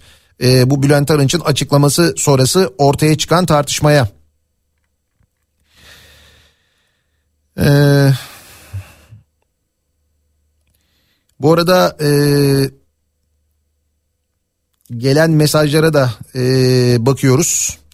AFAD başkanını günün sonunda görevden alırlar sorumluluk da ona kalır demiş bir dinleyicimiz. Zaten bir önceki AFAD başkanını getirmişler. Tanzanya'ya büyükelçi yapmışlar bir önceki AFAD başkanını. Apar topar Tanzanya'dan onu getirdiler görevin başına. Bilmiyorum haberiniz var mı? Söylemiştik konuşmuştuk buradan da. Ee, şu anda yani diğeri de devam ediyor mu göreve ikisi birden mi devam ediyorlar onu tam bilemiyoruz ama e, daha önceki yani bir önceki AFAD başkanı e, Tanzanya'dan getirilmiş. Eee deprem bölgesinde gülen siyasetçilere bu şekilde e, görüntülenen siyasetçilere verilen e, tepkiler var.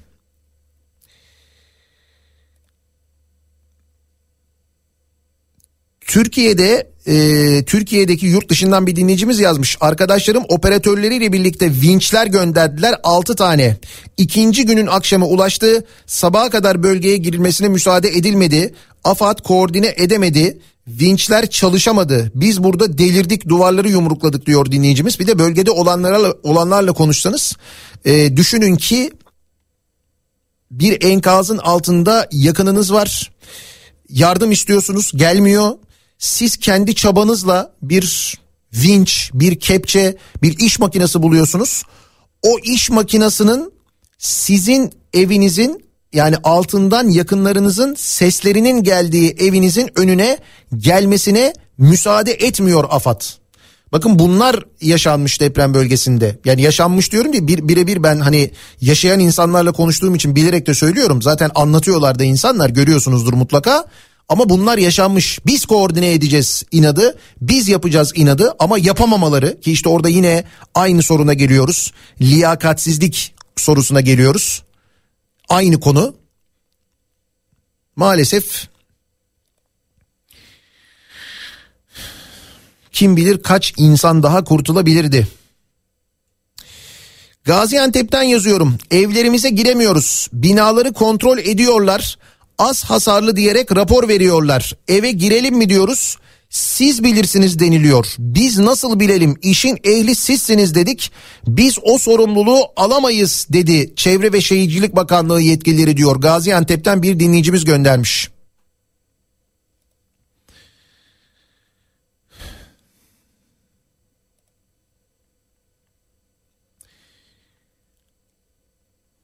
Bu 8 günde diyor o kadar güzel insan kalpleri tanıdım ki bir o kadar da bencil olanlar kötü insan denmeyecek tipler gördüm. Tabii öncelikli konu şu an söyleyeceklerim değil ama üzülerek şahit olduğum için anlatmak istedim. Antalya'da otel çalışanıyım. Birçok otel yöneticisiyle iletişimdeyim. Depremzede olarak gelen lüks otomobillerle ihtiyaçlarını söylerken sanki otele para ödüyormuş gibi çalışanlara hesap soran, şikayet eden, tamamen gönüllü ve otel yönetimi tarafından masrafları karşılanan, konaklamasında minnet duyacağına yüzsüz bir şekilde çalışanları azarlayan, ikinci el giysiye burun kıvıran, aslında ihtiyaç sahibi olmayan, evindeki kıyafetlerinde zerre hasar yokken ihtiyacı kadar alması gerekirken yeni dolap dizecek kadar talep eden doyumsuz tipler var.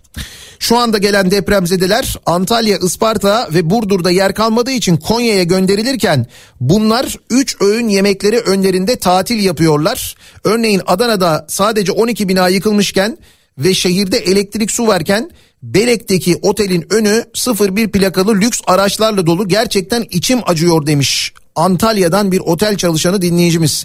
E işte az önce söyledim size Hatay'da yaptığı bina yıkılan müteahhit e, gitmiş Antalya'ya bir otele ben depremzedeyim diye orada yakalanmış.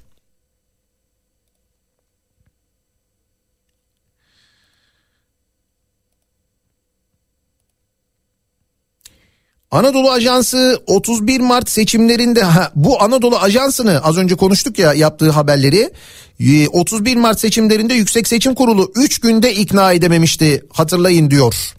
Aslında doğru yani biz ne hale geldiğini biliyoruz ama hani şu konu yani 31 bin insan hayatını kaybetmiş e, ve bilim insanları anlatıyorlar. Hepimizin özün önünde tabak gibi bir gerçek var duruyor.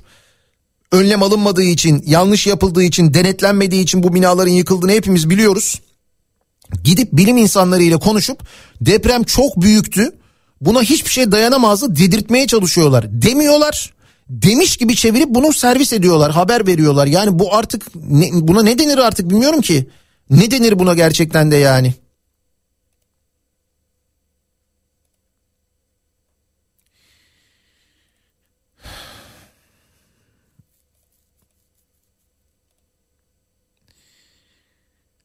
Belki de liyakatsız biri o çevirileri yaptı. Belki de o kadarını anlayabildi. Yok canım öyle o kadar değil. O belli ki belli ki bu şekilde çevrilmiş. Anadolu Ajansı tarafından. Kısa bir ara verelim sevgili dinleyiciler. O aranın ardından devam edelim. Gazetelere bakalım ne haberler var. Varamadım,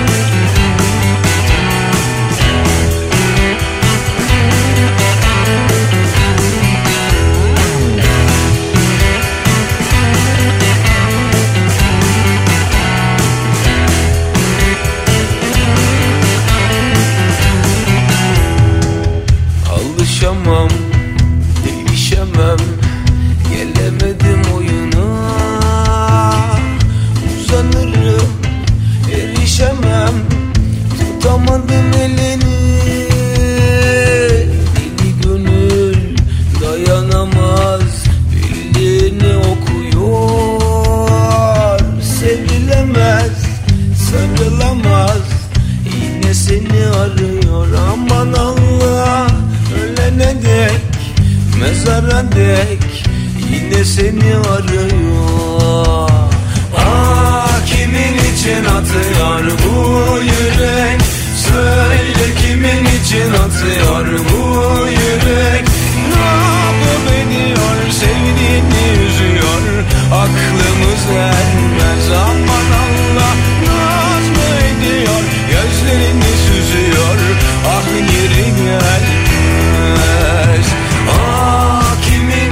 atıyor bu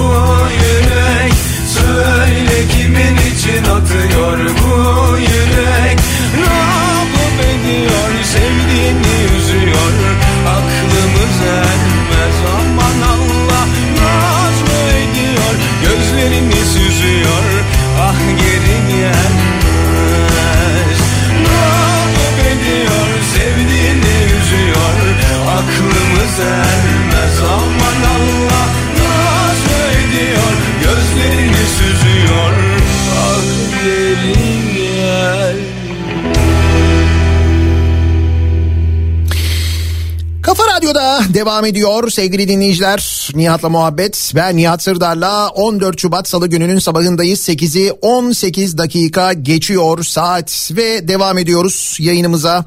Ee, deprem bölgesinden haberler aktarmaya devam ediyoruz. Bir yandan dinleyicilerimiz WhatsApp hattımıza yazıyorlar 0532 172 52 32 aynı zamanda ee, mesaj hattımızın numarası WhatsApp hattımızın numarası. Ee, şimdi bölgeye gidenler, bölgeye e, yardım götürenler, oradaki izlenimlerini aktaranlar da var aynı zamanda. Ee, işte mesela dediğim gibi bölgeye giden bir tır şoförü dinleyicimiz. Diyor ki ikinci günün sabahı işverenin ve diğer arkadaşların imkanlarıyla bir tır dolusu yardım yükledik. İkinci günün akşamı bölgeye gittik. Kendi imkanlarımızla toplayıp götürdüğümüz yardımı dağıtırken bile fişleri, faturaları yanımızda olduğu halde öyle bir muamele gördük ki inanamazsınız. Sanki hırsızlık yapmış, suçluymuş gibi kendi maddi imkanlarımızla götürdüğümüz yardımları dağıtamadık e, bölgeyi birebir gördük gerçekten de koordinasyonsuzluğu anlatıyor aslına bakarsanız. İşte bu koordinasyonsuzluğu az çok tahmin ediyoruz ama yani gerçekten e, hani yardımların dağıtılmasındaki koordinasyonsuzluk peki tamam hani o sırada çünkü can telaşına düşülmüş olabilir ama orada da bir koordinasyonsuzluk vardı zaten en büyük sıkıntı o aslına bakarsanız en e, fena durum bu gerçekten de. Eee bir gün gazetesine bakalım. Ee, köhnemiş rejim üstümüze yıkıldı manşetiyle siyah beyaz çıkmış bugün bir gün gazetesi. AKP'nin bölmeye, parçalamaya ve dışlamaya dayalı düzeni depremde yerle bir oldu. Ülke iktidarın enkazından dayanışmayla çıkmaya çalışıyor. Bir gün gazetesi.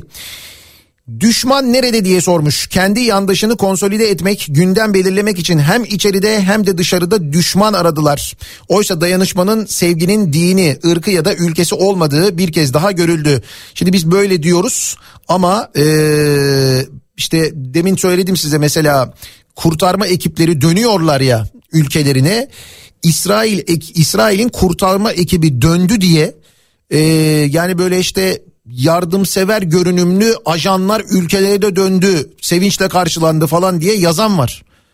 Ya o İsrailli kurtarma ekibi kaç kişiyi kurtardı? Kaç kişiyi enkaz altından çıkardı? Sen hayatın boyunca kaç kişinin işine yaradın canına dokundun acaba?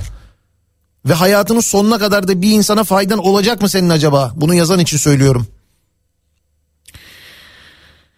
Kendine iki halkın dostları diyor bir gün gazetesi. Kendine muhalefet eden her yapıyı yok etmeye ya da düşmanlaştırmaya, itibarsızlaştırmaya çalıştılar. Mimarlar Mühendisler Odaları Birliği, Türk Tabipler Birliği ve işçiler bir kez daha halkının ve gerçeğin yanında oldu. Büyük yıkım karşısında ülkeyi düşürdükleri acziyeti kadere bağlayıp bununla açıklamaya kalktılar. Oysa ki bilimin gücü büyük depremde ayakta kalan binalar gibi dimdik durdu. Binlerce insanımızı kaybettik. Şehirler yok oldu ama dümdüz olan ucube tek adam rejimiydi. Sarsıntı binalarla birlikte onların yarattığı ekonomik, siyasal ve toplumsal modeli yıktı diyor Bir Gün gazetesi.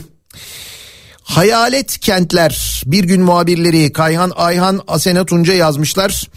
Maraş depreminde can kayıpları 30 bini aşarak Erzincan depremine yaklaştı. Tablo sözle anlatılamayacak kadar ağır. Büyük darbe alan Adıyaman adeta hayalet kente dönmüş. Kentte sadece yakınları halen enkazda olanlarla yaşlılar kalmış, diğerleri ayrılmış. Hatay'da ise yoğun koku kenti sarmış durumda. Sağlık emekçileri salgın hastalık riskine dikkat çekiyor. Mustafa Kemal Üniversitesi Hastanesi'ndeki sağlıkçılar hastaneler yıkıldığı için bir tek burası kalmıştı. İlk günler çok zor geçti. Acil serviste durum ağırdı demişler. Tepeden tırnağa yanlışlar silsilesi. Doğru çalışan hiçbir kuruluş yok. Sayıştay'a göre bakanlıklar yapılar için denetim yapmamış. Depremin yıktığı 10 kentte ise 294.166 kaçak yapı affedilmiş sevgili dinleyiciler. Dün konuşmuştuk bu rakamları hatırlayacaksınız. Sayıştay depreme hazırlık konusunda Çevre ve şey, Çevre Şehircilik ve İklim Değişikliği Bakanlığı'nca önü açılan ihmaller silsilesini ortaya koymuş. Denetim raporlarına göre bakanlığın afet riski altındaki alanların dönüştürülmesiyle ilgili belediyeleri kontrol etmediği tespit edilmiş. İktidarın 2018'deki Cumhurbaşkanlığı seçimleri öncesinde uygulamaya geçirdiği imar barış kapsamında ülke çapında 3 milyon 152 bin yapıya kayıt belgesi verilmiş. Depremin yıktığı 10 kentte ise 300 bine yakın kaçak yapı imar barışıyla ruhsatlandırılmış. Hepimizin gözünün önünde o imar barışı reklamı.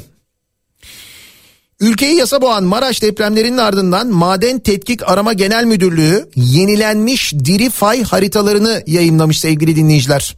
Buna göre ülkede 5.5 üzeri deprem üretebilecek 485 diri fay bulunuyor. Doğrudan diri fay üzerine oturan 45 il alanıyla 110 ilçe bulunuyor. Harita üzerine tıklandığında fay hatlarının geçtiği yerlerin pafta numaraları da veriliyor. Yani maden tetkik aramanın e, sitesine girdiğiniz vakit demek ki e, oturduğunuz evin, yaşadığınız ilçenin, köyün neresiyse bir diri fay hattı üzerinden geçip geçmediğini öğrenebiliyorsunuz. Hatta daha ötesini söyleyeyim ben size. Geçtiğimiz Aralık ayında İstanbul Büyükşehir Belediyesi bir deprem çalıştayı yapmıştı. O deprem çalıştayında açıklanmıştı ve İstanbul'da ilçe ilçe hatta mahalle mahalle kaç binanın yıkılacağı, kaç binanın ağır hasar alacağı, kaç binanın hafif hasar alacağı bir senaryo halinde yazılmış. Yaşadığınız mahalleden bahsediyorum. Mahalle mahalle. Ee, 7.5 büyüklüğündeki bir deprem olursa eğer Marmara bölgesinde İstanbul'da yaşadığınız mahallede kaç kişinin e, öleceği, kaç kişinin yaralanacağı bile senaryo olarak hazırlanmış. Bu kadar tabak gibi ortada. Bakıp görebilirsiniz siz de aynı zamanda. Peki ne yapılıyor? Bakıyoruz ne yapılıyor? İstanbul Büyükşehir Belediyesi'ne müfettiş gönderiliyor. Yine bu e, depremler sırasında da yine müfettiş falan gönderdiler. Biliyorsunuz değil mi? Kampüs görmeden mezun olacaklar. Covid-19 salgınında başarısız bir uzaktan eğitim deneyimi yaşayan Türkiye'de depremlerin ardından ilk feda edilen alan yine eğitim olmuş. Üniversitelerde uzaktan eğitim kararına karşı uzmanlar yüksek öğretimde yalnız bir buçuk yıl yüz yüze eğitim almış çocuklar yetişecek. Gençliği kendi ellerimizle yok ediyoruz demiş. Zaten e, istenen eğitimsiz bir nesil değil mi? Yani bu açık açık istenmiyor mu? Bugüne kadar eğitimle ilgili yapılan şeylerin amacının bu olduğunu anlamamız için daha ne olması gerek? Adamlar çıkıp yüzümüze yüzümüze bize cahil lazım, bizi cehalet besliyor demediler mi? Söylemediler mi bunu yani? Beyazıt'ta bir araya gelen öğrenciler depremzedeler KYK yurtlarına değil boş konutlara yerleştirilsin çağrısı da yapmışlar aynı zamanda. Ee, Hatay'da deprem bölgesinde hırsızlık yaptığı iddiasıyla gözaltına alınan 3 kişiden Ahmet Güreşçi karakolda fenalaşmış ve kaldırıldığı hastanede hayatını kaybetmiş. Sabri Güreşçi'nin ise kaburgasında elinde ve ayağında darp izleri olduğu öğrenilmiş. Hastanede yapılan ilk incelemede Güreşçi'nin vücudunun çeşitli yerlerinde sıyrıklar ve ezikler olduğu, burnunun kırıldığı, beyninde kanamaya rastlandığı belirtilmiş. Şimdi deprem bölgesinde hırsızlık yapanlara e, işte yapılan muamele e, yayınlanıyor ya sosyal medya hesaplarından. Fakat sonra ortaya çıkıyor ki mesela yağmacı değillermiş insanlar. Şimdi iddiasıyla deniyor. Ya bu insanlar öyle suçlu değillerse ne olacak? Ölmüş biri işte yani. Çöken binaların müteahhitlerinin yakalandığı haberi var. Ee, Hatay'da yıkılan kule apartmanının müteahhiti Ömer Cihan Antalya'nın Manavgat ilçesinde depremzede olarak kaldığı 5 yıldızlı otelde yakalanmış. Adana'da yıkılan bazı binaları inşa eden e, Alpar Gün İnşaat firmasının sahibi Hasan Alpar Gün de tutuklanmış aynı zamanda. Ve sevgili dinleyiciler bütün bunlar olurken o sırada bir başka gelişme daha. Ünsal Ban tahliye edilmiş. Hatırladınız mı Ünsal Ban'ı? AKP milletvekili Zehra Taşkesenlioğlu'na ait kişisel verileri Sedat Peker'e gönderdiği iddiasıyla tutuklu yargılanan Türk Hava Kurumu Üniversitesi eski rektörü Ünsal Ban. Sedat Peker'in videolarında bahsettiği hatırladınız mı? Sedat Peker'in AKP milletvekili Zehra Taşkesellioğlu'na ait görüntüleri sosyal medya hesabından paylaşması üzerine Ankara Cumhuriyet Başsavcılığı soruşturma başlatmış. Yani soruşturma bundan dolayı başlatılıyor bu arada. Üniversitede yaptıkları ortada dönen paralar falan onlarla ilgili rüşvet iddiaları falan bunlarla ilgili değil yani. Borsa morsa falan hatırlıyorsunuz değil mi? Soruşturma kapsamında Taşkesenlioğlu'nun boşanma aşamasındaki eşi Ünsal Ban 9 Ağustos'ta Muğla'nın Milas ilçesinde yakalanarak gözaltına alınmış. Ban'ın şoförü Ahmet K, onun eşi Neslihan K, baldızı Zeynep K ve evde bulunan bir şüpheli gözaltına alınmış. Ee, sonra 3 Eylül 2022'de tutuklanmış ve dün Ankara 37. Asliye Ceza Mahkemesi'nde yargılanmasına devam edilmiş. Tutuklu Ünsal Ban hakkında kararı açıklayan mahkeme heyeti tahliyesine karar vermiş sevgili dinleyiciler.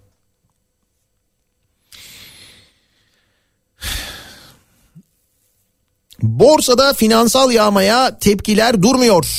Depremin ardından 3 gün işlemlerin devam ettiği Borsa İstanbul'da 400 bine yakın yatırımcının zarar gördüğü belirtilmiş. Yapılan finansal yağma olarak yorumlanmış. Borsa İstanbul neden geç kapatıldı sorusunun yanıtı halen aranıyormuş. Ee, halbuki yanıt belli belli ki izin alınamadı o yüzden kapatılamadı yani ne olacak biliyoruz. Bülent Arınç'tan seçim tarihi çıkışı haberi var. E, bu haber e, dün tabii geç saatlerde e, sosyal medya üzerinden e, yaptığı açıklama Bülent Arınç'ın şöyle diyor. Çok uzun bir yazı da hiç lüzum yok o kadar uzun okumaya. Belki de tarihimizin en acı felaketini yaşadığımız bu günlerde ülke bir an evvel seçim stresinden kurtulmalıdır seçimin stresinden kurtulmalıymışız biz. Kurtulmamız gereken başka bir şey yok yani. Daha açık ve net ifade etmek gerekirse ne Mayıs'ta ne Haziran'da seçim olmaz olamaz. Seçimlerin ivedilikte ertelenmesi lazım. Tabii hiç yapmayalım biz seçim o zaman. Yani o da mesela bir seçenek değil mi? Siz böyle yönetememeye devam edin siz. Biz hiç seçimi yapmayalım. Yarın öbür gün başka bir şey olduğunda bir de öyle erteleriz. Bu nereye kadar e, gidebilir? Yani ne olacak yani nereye kadar gidecek yani? Ee, bu açıklamaya tepkilere bir bakalım. Çünkü dediğim gibi çok geç saatte yapılan bir açıklama birçok gazetede yok ama gazete pencerede var tabii. Ee, diyor ki CHP Grup Başkan Vekili Özgür Özel seçimlerin ertelenmesi konusunda kasti olarak tartışıldığını değerlendiriyoruz konusunun. Ne olursa olsun en kötü şartlarda olsa seçimlerin yapılması esas. Anayasa bu yetkiyi savaş hali dışında kimseye vermemiş. İyi Parti sözcüsü Kürşat Zorlu seçim tarihiyle ilgili bazı açıklamalar kamuoyuna yansımaktadır. Elbette öncelikli hedefimiz yaralarımızın sarılmasıdır. İşte hem bu sürecin hem de ülke sorunlarının etkin çözümü hem de anayasamıza göre seçimlerin vaktinde gerçekleşmesi İyi Parti'nin temel yaklaşımı olacaktır demiş. Çünkü burada Bülent Arınç'ın kastettiği muhalefetin de destek vereceği bir anayasa değişikliği bu anayasa değişikliğiyle seçimler ertelensin diyor. Ancak muhalefet buna destek vermiyor. Gelecek Partisi sözcüsü Serkan Özcan da konuşmuş. Demiş ki evet tarihimizin en acı dönemlerinden birini yaşıyoruz. Tartışmaları körükleyerek acımızı daha da büyütecek her girişim tarihi bir hata olur. Açık anayasa hükmüne rağmen aksi yönde atılacak her adım bizim ve milletimizin gözünde sivil darbe olarak değerlendirilir demiş. Deva Partisi sözcüsü İdris Şahin de anayasamıza göre mevcut durumda seçimlerin ertelenmesi mümkün değildir. YSK da erteleyemez. Sayın Cumhurbaşkanı da erteleyemez. YSK'nın seçim tarihlerini değiştirme yetkisi olduğunu kabul etmek YSK'nın anayasadan, kanunlardan ve meclisten üstün olduğu anlamına gelir. Hukuk seçim için 18 Haziran'ı emretmektedir demiş.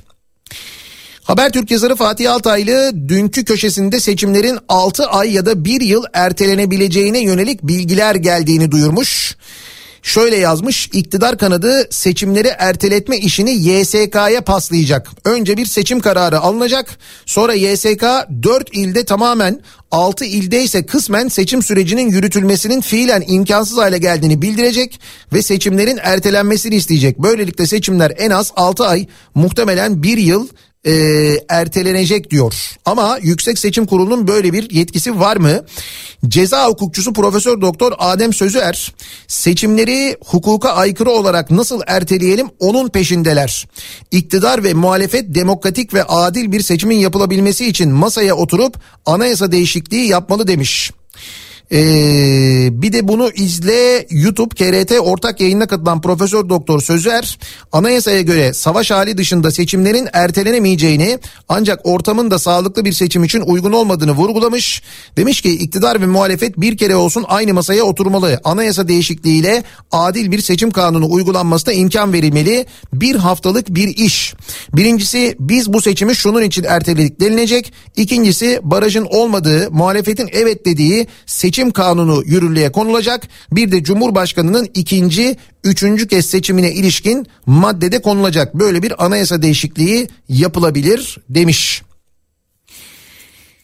Selahattin Demirtaş konuşmuş. Ee, o da demiş ki e, deprem felakettir. Diktatörlüğe geçiş için Allah'ın lütfu değildir demiş. Sosyal medyadan paylaşım yapan Demirtaş anayasanın 78. maddesine işaret ederek meclisi yok sayıp seçimleri erteleme kararı almak açıkça siyasi darbe olur e, açıklamasında bulunmuş. İşte bir yandan da bunlar konuşuluyor, bunlar tartışılıyor sevgili dinleyiciler. Ee, tabii şimdi e, uzmanların açıklamaları yine her zaman olduğu gibi deprem sonrasında konunun uzmanları konuşuluyor. Bu sefer e, konuşuyorlar. E, yine e, herbokologlar ikinci plandalar ama merak etmeyin 2-3 gün sonra yeniden onlar bu konuda da ahkam kesmeye başlarlar. Fakat bilim insanları ısrarla e, tıpkı Kahramanmaraş depremiyle ilgili uyardıkları gibi Marmara depremi konusunda uyarıyorlar. Aynı felaket benzer bir deprem İstanbul'da olsa ne olur? Bakın bu büyük şehirlerde meydana geldi. Sonrasında ne oldu? Ee, sonrasında ne olur? İstanbul depremi olduğunda ne yapılacak? Yardım nereden gelecek? Koordinasyon nereden yapılacak? İstanbul'da yaşayan biri olarak merak ediyorum. Ne yapılacak e, İstanbul'da diye sormuş mesela İstanbul'da yaşayan bir dinleyicimiz. Şimdi herkes bunu merak ediyor tabii. Bir de şöyle bir durum var. E, bakıyorum ben etrafımdaki insanlara hani soruyorum mesela diyorum ki bu depremden sonra e, yaşadığınız bina ile ilgili bir şey yaptınız mı? Kontrol ettiniz mi ya da daha önce etmiş miydiniz diyorum. Genelde benzer yanıtlar geliyor. E zaten binayı yapan da oturuyor. E ne oldu binayı binayı yapanlar da ölüyorlar işte görüyoruz. E, ya da işte kontrol etmişler zamanında şöyleymiş falan gibi kimse de böyle bir e, evet resmi olarak kontrol ettirdik geldiler baktılar analizler yapıldı şöyle böyle falan diyen yok. Eee Osmaniye'de gönüllü olarak depremin ikinci gününden itibaren çalışmaya başladım. Depremzedelere insani yardım çadırından kıyafet, ayakkabı ve ihtiyaçları verirken hiç alakası bile olmayan bazı vakıf ve derneklerin personellerinin üzerlerine bir yelek giyerek sanki yardımı kendileri dağıtıyormuş gibi canlı yayın ve video çektiklerini bizzat kendi gözümle gördüm diyor dinleyicimiz. Ee, Ünsal Ban tekrar tutuklandı diye bir haber var ama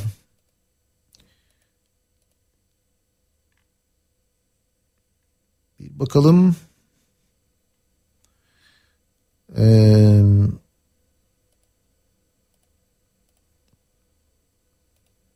şimdi ben şöyle bir hızlıca baktım. Ünsal Ban'ın yeniden tutuklandığı ile ilgili ee, bir bilgi yok. Ama ona bakarken şöyle bir haber gördüm. Belediye binası yıkıldı, yanındaki binanın camı bile kırılmadı. Neresi burası biliyor musunuz? Adıyaman sevgili dinleyiciler. Adıyaman Belediye Başkanlığı binası yerle bir olurken Sanayi ve Teknoloji Bakanlığı'nın Avrupa Birliği fonuyla ve Avrupa Birliği mevzuatına göre inşa ettiği belediye binasının karşısında bulunan cam binanın camları bile kırılmamış. Şimdi farkın ne olduğunu e, görüyor musunuz? Yani neden bu binaların yıkıldığını depremle depremin büyüklüğüyle alakası olmadığını asrın felaketi falan denildi, deniliyor ya. Mimarlar Yavuz Özkaya ve Sinan Erbu müşavirliğini Nezih Alataş e, Adıyaman Valiliği adına kontrolünü de Kommagene Nemrut Alan Başkanı Onur Yıldız'ın üstlendiği dört kattan oluşan yapının zemininde hologramlarla Kommagene Krallığı canlandırılırken orta katıysa kalıcı sergi alanı iki katı da kütüphaneden oluşuyormuş. İşte bu binanın camları dahi kırılmamış sevgili dinleyiciler. Belediye başkanlığı binası yıkılırken niye? Çünkü o bina Avrupa Birliği fonuyla yapılmış ve e, Avrupa Birliği mevzuatına göre yapılmış. Aradaki fark bu işte. Kısa bir ara verelim. Hemen ardından yeniden buradayız. Benzersiz tasarruf teknolojileriyle performansı ve tasarrufu yüksek Daikin yeni nesil akıllı kombi. Daiki'nin sunduğu Nihat'la muhabbet devam edecek. Reklam.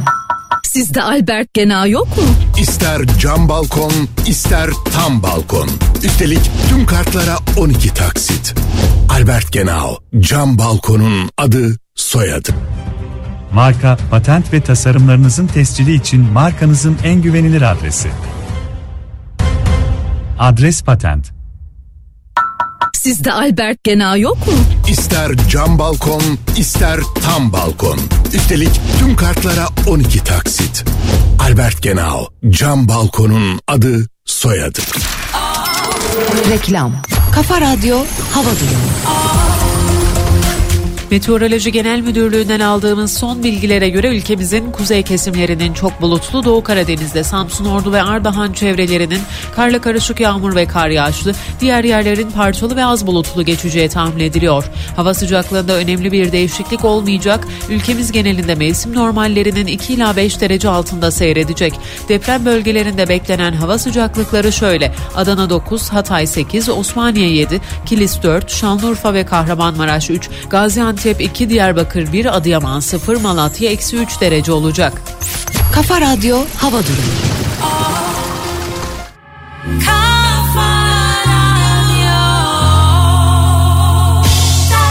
Benzersiz tasarruf teknolojileriyle performansı ve tasarrufu yüksek Daikin yeni nesil akıllı kombi. Daiki'nin sunduğu Nihat'la muhabbet devam ediyor.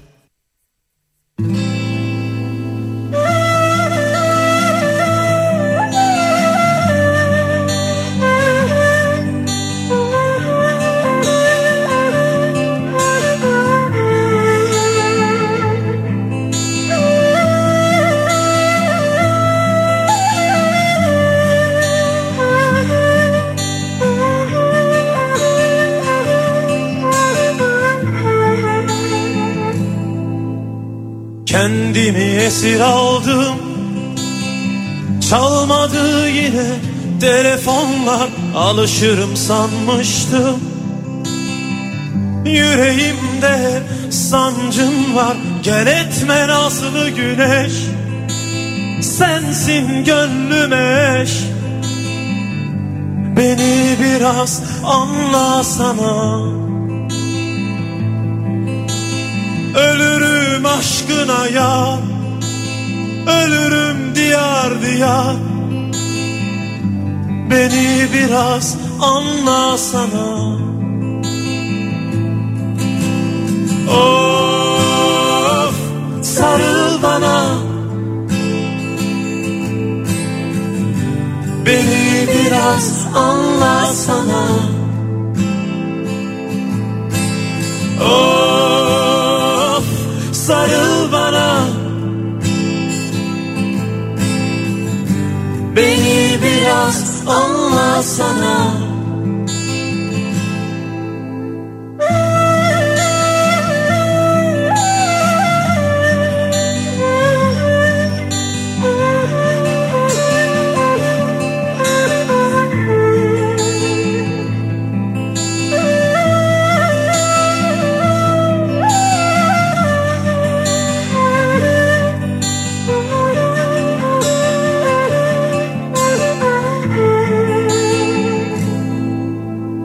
Kendimi esir aldım. Çalmadı yine telefonla. Alışırım sanmıştım. Yüreğimde sancın var. Gel etme nazlı güneş. Sensin gönlüme eş. Beni biraz anlasana Ölürüm aşkına yar. Ölürüm diyar diyar. Beni biraz anlasana Of sarıl bana. Beni biraz anlasana Of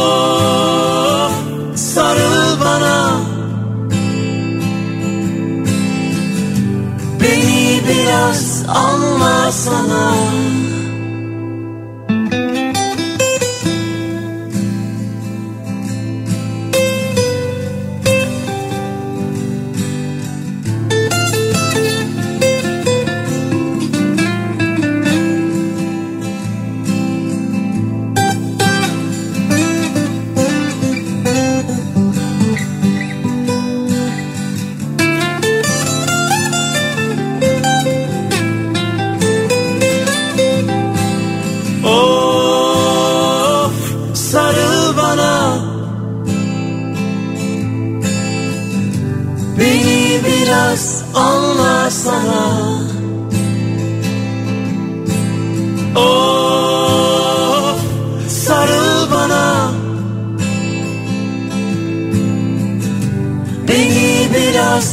anlasana Kafa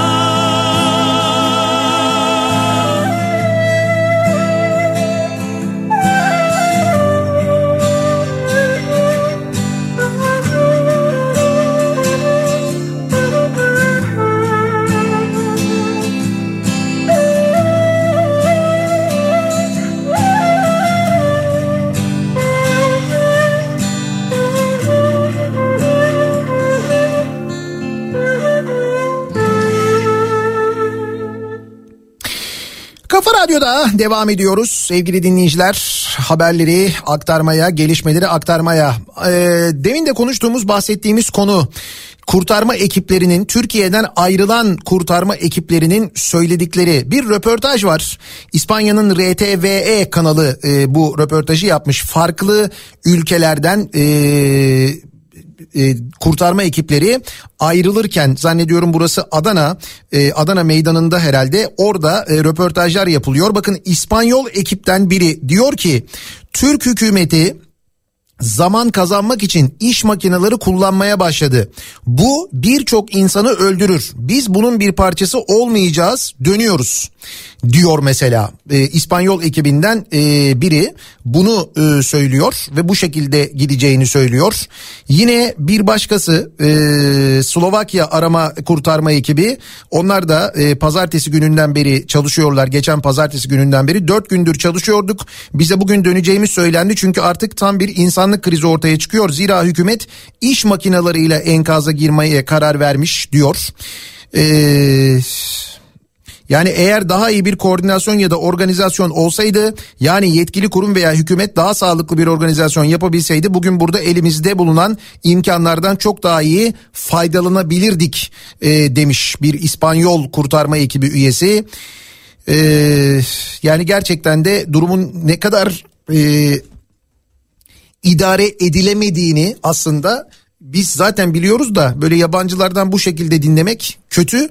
Fakat bizim bu şekilde dinlememizden ziyade düşünün ki e, bir yakınınızı kaybettiniz. O depremde enkaz altında kaldı ve sizin önünüzden geçen o kurtarma ekibi görevlileri, yabancı kurtarma ekibi görevlileri bunu söylüyorlar. Bunu söyleyerek Türkiye'den ayrılıyorlar, gidiyorlar. Ne hissedersiniz acaba sevgili dinleyiciler? Talimat olmadan vinç bile kullanılamıyor. İşte bu yüzden olmuyor manşetiyle çıkmış Sözcü gazetesi. Başkanlık sistemiyle gelen tek adam rejimi bürokrasideki işleyişi durdurdu. Yukarıdan talimat gelmediği için afet bölgelerinde vinçler dahi çalıştırılamadı diyor Sözcü. Ee, Ulaştırma Bakanı'nın açıklaması havaalanı işini Cumhurbaşkanımızın talimatıyla hemen çözeceğiz. Tarım Bakanı Adana'ya Cumhurbaşkanımızın talimatıyla göreve gönderildim. AFAD Başkanı Yunus Sezer, bu arada AFAD Başkanı Yunus Sezer bu ismi de unutmayalım. Kaynaklar Cumhurbaşkanımızın talimatıyla bölgeye sevk edildi açıklaması yapmıştı. AFAD Risk Azaltma Müdürü, bakanlarımız Cumhurbaşkanımızın talimatıyla bölgeye intikal etti. Farkında mısınız? Cumhurbaşkanı talimatı olmadan hiçbir şey olmuyor memlekette. Bu afet anında dahi olmuyor yani. Bakanından bürokratına devletteki bütün yetkililer Cumhurbaşkanı Erdoğan'ın talimatı olmadan iş yapmıyor.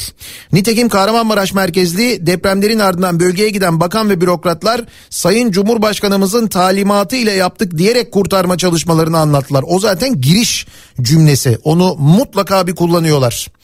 Talimat bekleme yüzünden şikayetlere yol açan pek çok aksaklık yaşandı. En çarpıcı tepki eski milli futbolcu Gökhan Zan'dan geldi. Gökhan Zan AFAD yönlendirmediği için Hatay'da vinçler iki gün çalışmadı demiş. Yani herkes bir kişinin ağzına baktığı için talimatsız vinç bile kullanılmamış. Bakın az önce bölgeye vinç gönderen dinleyicimiz ne diyordu? Biz organize ettik ta uzaklardan gönderdik. AFAD izin vermedi vinçler çalıştırılamadı biz burada duvarları yumrukladık diyordu. Nitekim benzer şeyleri ne kadar çok duyduk değil mi? Bu neyin sevinci diye sormuş. Sözcü gazetesi AKP'nin Numan Kurtulmuş ve Nurettin Nebati'nin deprem bölgesindeki şen şakrak görüntülerini soruyor Sözcü. AKP Genel Başkan Vekili Numan Kurtulmuş ve Maliye Bakanı Nebati depremin vurduğu illerden biri olan Şanlıurfa'ya gitmişler. Bu ziyaretten sosyal medyaya iki fotoğraf yansımış. Bu fotoğraflarda Kurtulmuş çadır kenti gezerken Nebati ise bir ziyaretinde şen şakrakmış. Bu iki fotoğrafı paylaşan e, CHP milletvekili Mahmut Tanal tepkisini şöyle dile getirmiş. Beyler depremde on binlerce canımız gitti. On binlerce kişi yaralandı. Hala enkaz altında insanlar var. Bu neyin kahkahası neyin sevinci diye sormuş. Sonra bunu sordu diye ne olmuş? Ee, dur neydi? Bir de kabahatli olmuş tabii. Ee, suçlamışlar. Siyasi yağmacı olmuş Mahmut Tanal bunu söyledi diye. Bunu yapanlar kabahatli değil. Sen eleştirdiğin zaman sen kabahatlisin her zaman olduğu gibi. Ve deprem bölgesinden gelen mucize haberleri 178. saatte, 182. saatte, 185. saatte kurtarılanlar, çocuklar 6 yaşındaki Miray, 13 yaşındaki Kaan, 10 yaşındaki Ayça. Ee, onların haberleri var aynı zamanda. İmamoğlu'na defol git diyen AKP'li eski vekil imar affı için el kaldırmış sevgili dinleyiciler. Neydi ismi? Nursel Reyhanlıoğlu'ydu. Hatırladınız mı o görüntüleri? Hani e, Ekrem İmamoğlu'na bağıran, çağıran, İngiliz uşağı diyen bağıran arkadaş var ya. İşte o 2018'de e, çıkan imar barışı var ya 217 AKP'li vekil evet oyu vermiş. Onlardan biri geçen hafta deprem bölgesinde İmamoğlu'na İngiliz uşağı defol git diyen AKP'li Nursel Reyhanlıoğlu'ymuş. O da imar barışı için el kaldırmış. Depremzedeler GSM şirketlerine dava açmaya hazırlanıyorlarmış. Haklılar. Vodafone yanımda diyordu depremzedenin asla yanında olamadı. Turkcell'le bağlan hayata deniyordu. Depremde kimseyi hayata bağlayamadı. Türk Telekom değerli hissettirir diyordu. Kimse kendini değerli hissetmedi. Sloganların içinin boş olduğu zaman neler yaşanabileceğini hatırlatıyor aslına bakarsanız bize Sözcü gazetesi. Şu anda artık böyle biraz daha o bölgede anladığım kadarıyla iletişim bir miktar daha tabii ilk günlere göre normale dönmüş. Öyle görünüyor. İletişim biraz daha kolay sağlanıyor ama mevzu o ilk günlerde aslında e, hızlıca düzeltebilmekti. Orada da yine aynı şeye e, sığınılıyor. İşte deniyor ki bu asrın felaketiydi. E, şu işte bu depreme zaten karşı konulamazdı. Ne yapsak olmazdı falan diye. İşte şu, o şu anda biliyorsunuz pompalanmaya çalışılıyor. Buna sığınıyorlar tıpkı müteahhitler gibi. Ya bugün ee, Cumhuriyet Gazetesi'nde Bora Erden'in haberini mutlaka okuyun sevgili dinleyiciler. Gerçekten de ee, Hatay'daki müteahhitlerin büyük kısmının ayrıca bir de yapı denetim şirketi olduğunu böyle detaylarıyla anlatmış Bora Erdin yazmış. Yani neden yıkıldığımızı, neden denetlenmediğini o kadar net bir şekilde anlatıyor ki bu haber aslında bu yaşadığımız deprem felaketinin en önemli haberlerinden bir tanesi olabilir. Bora Erdin'in haberini mutlaka okuyunuz. Ee, Cumhuriyet gazetesinde.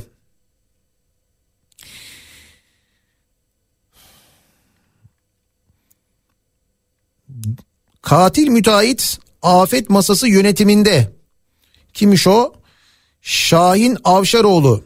Çöken yeni binaları, Bağdı Sabah konutları ve Sevde apartmanı. Bu apartmanları yapan Melşa İnşaat'ın sahibiymiş kendisi. Şahin Avşaroğlu ismi. Bakın yaptığı binalar çökmüş. Gözaltı yok, sorgu yok. Ve kendisi ee, Dulkadiroğlu ilçesi afet yardım masasında çalışıyor şu anda. Niye gözaltı yok? Niye tutuklanmamış? Yaptığı apartmanlar çökmüş. Bakın bir daha söylüyorum size. Çünkü kendisi AKP ilçe başkanı sevgili dinleyiciler. Bakın e, Kıbrıs'a kaçan müteahhit bulunuyor. İstanbul Havalimanı'nda kaçmaya çalışan müteahhit yakalanıyor.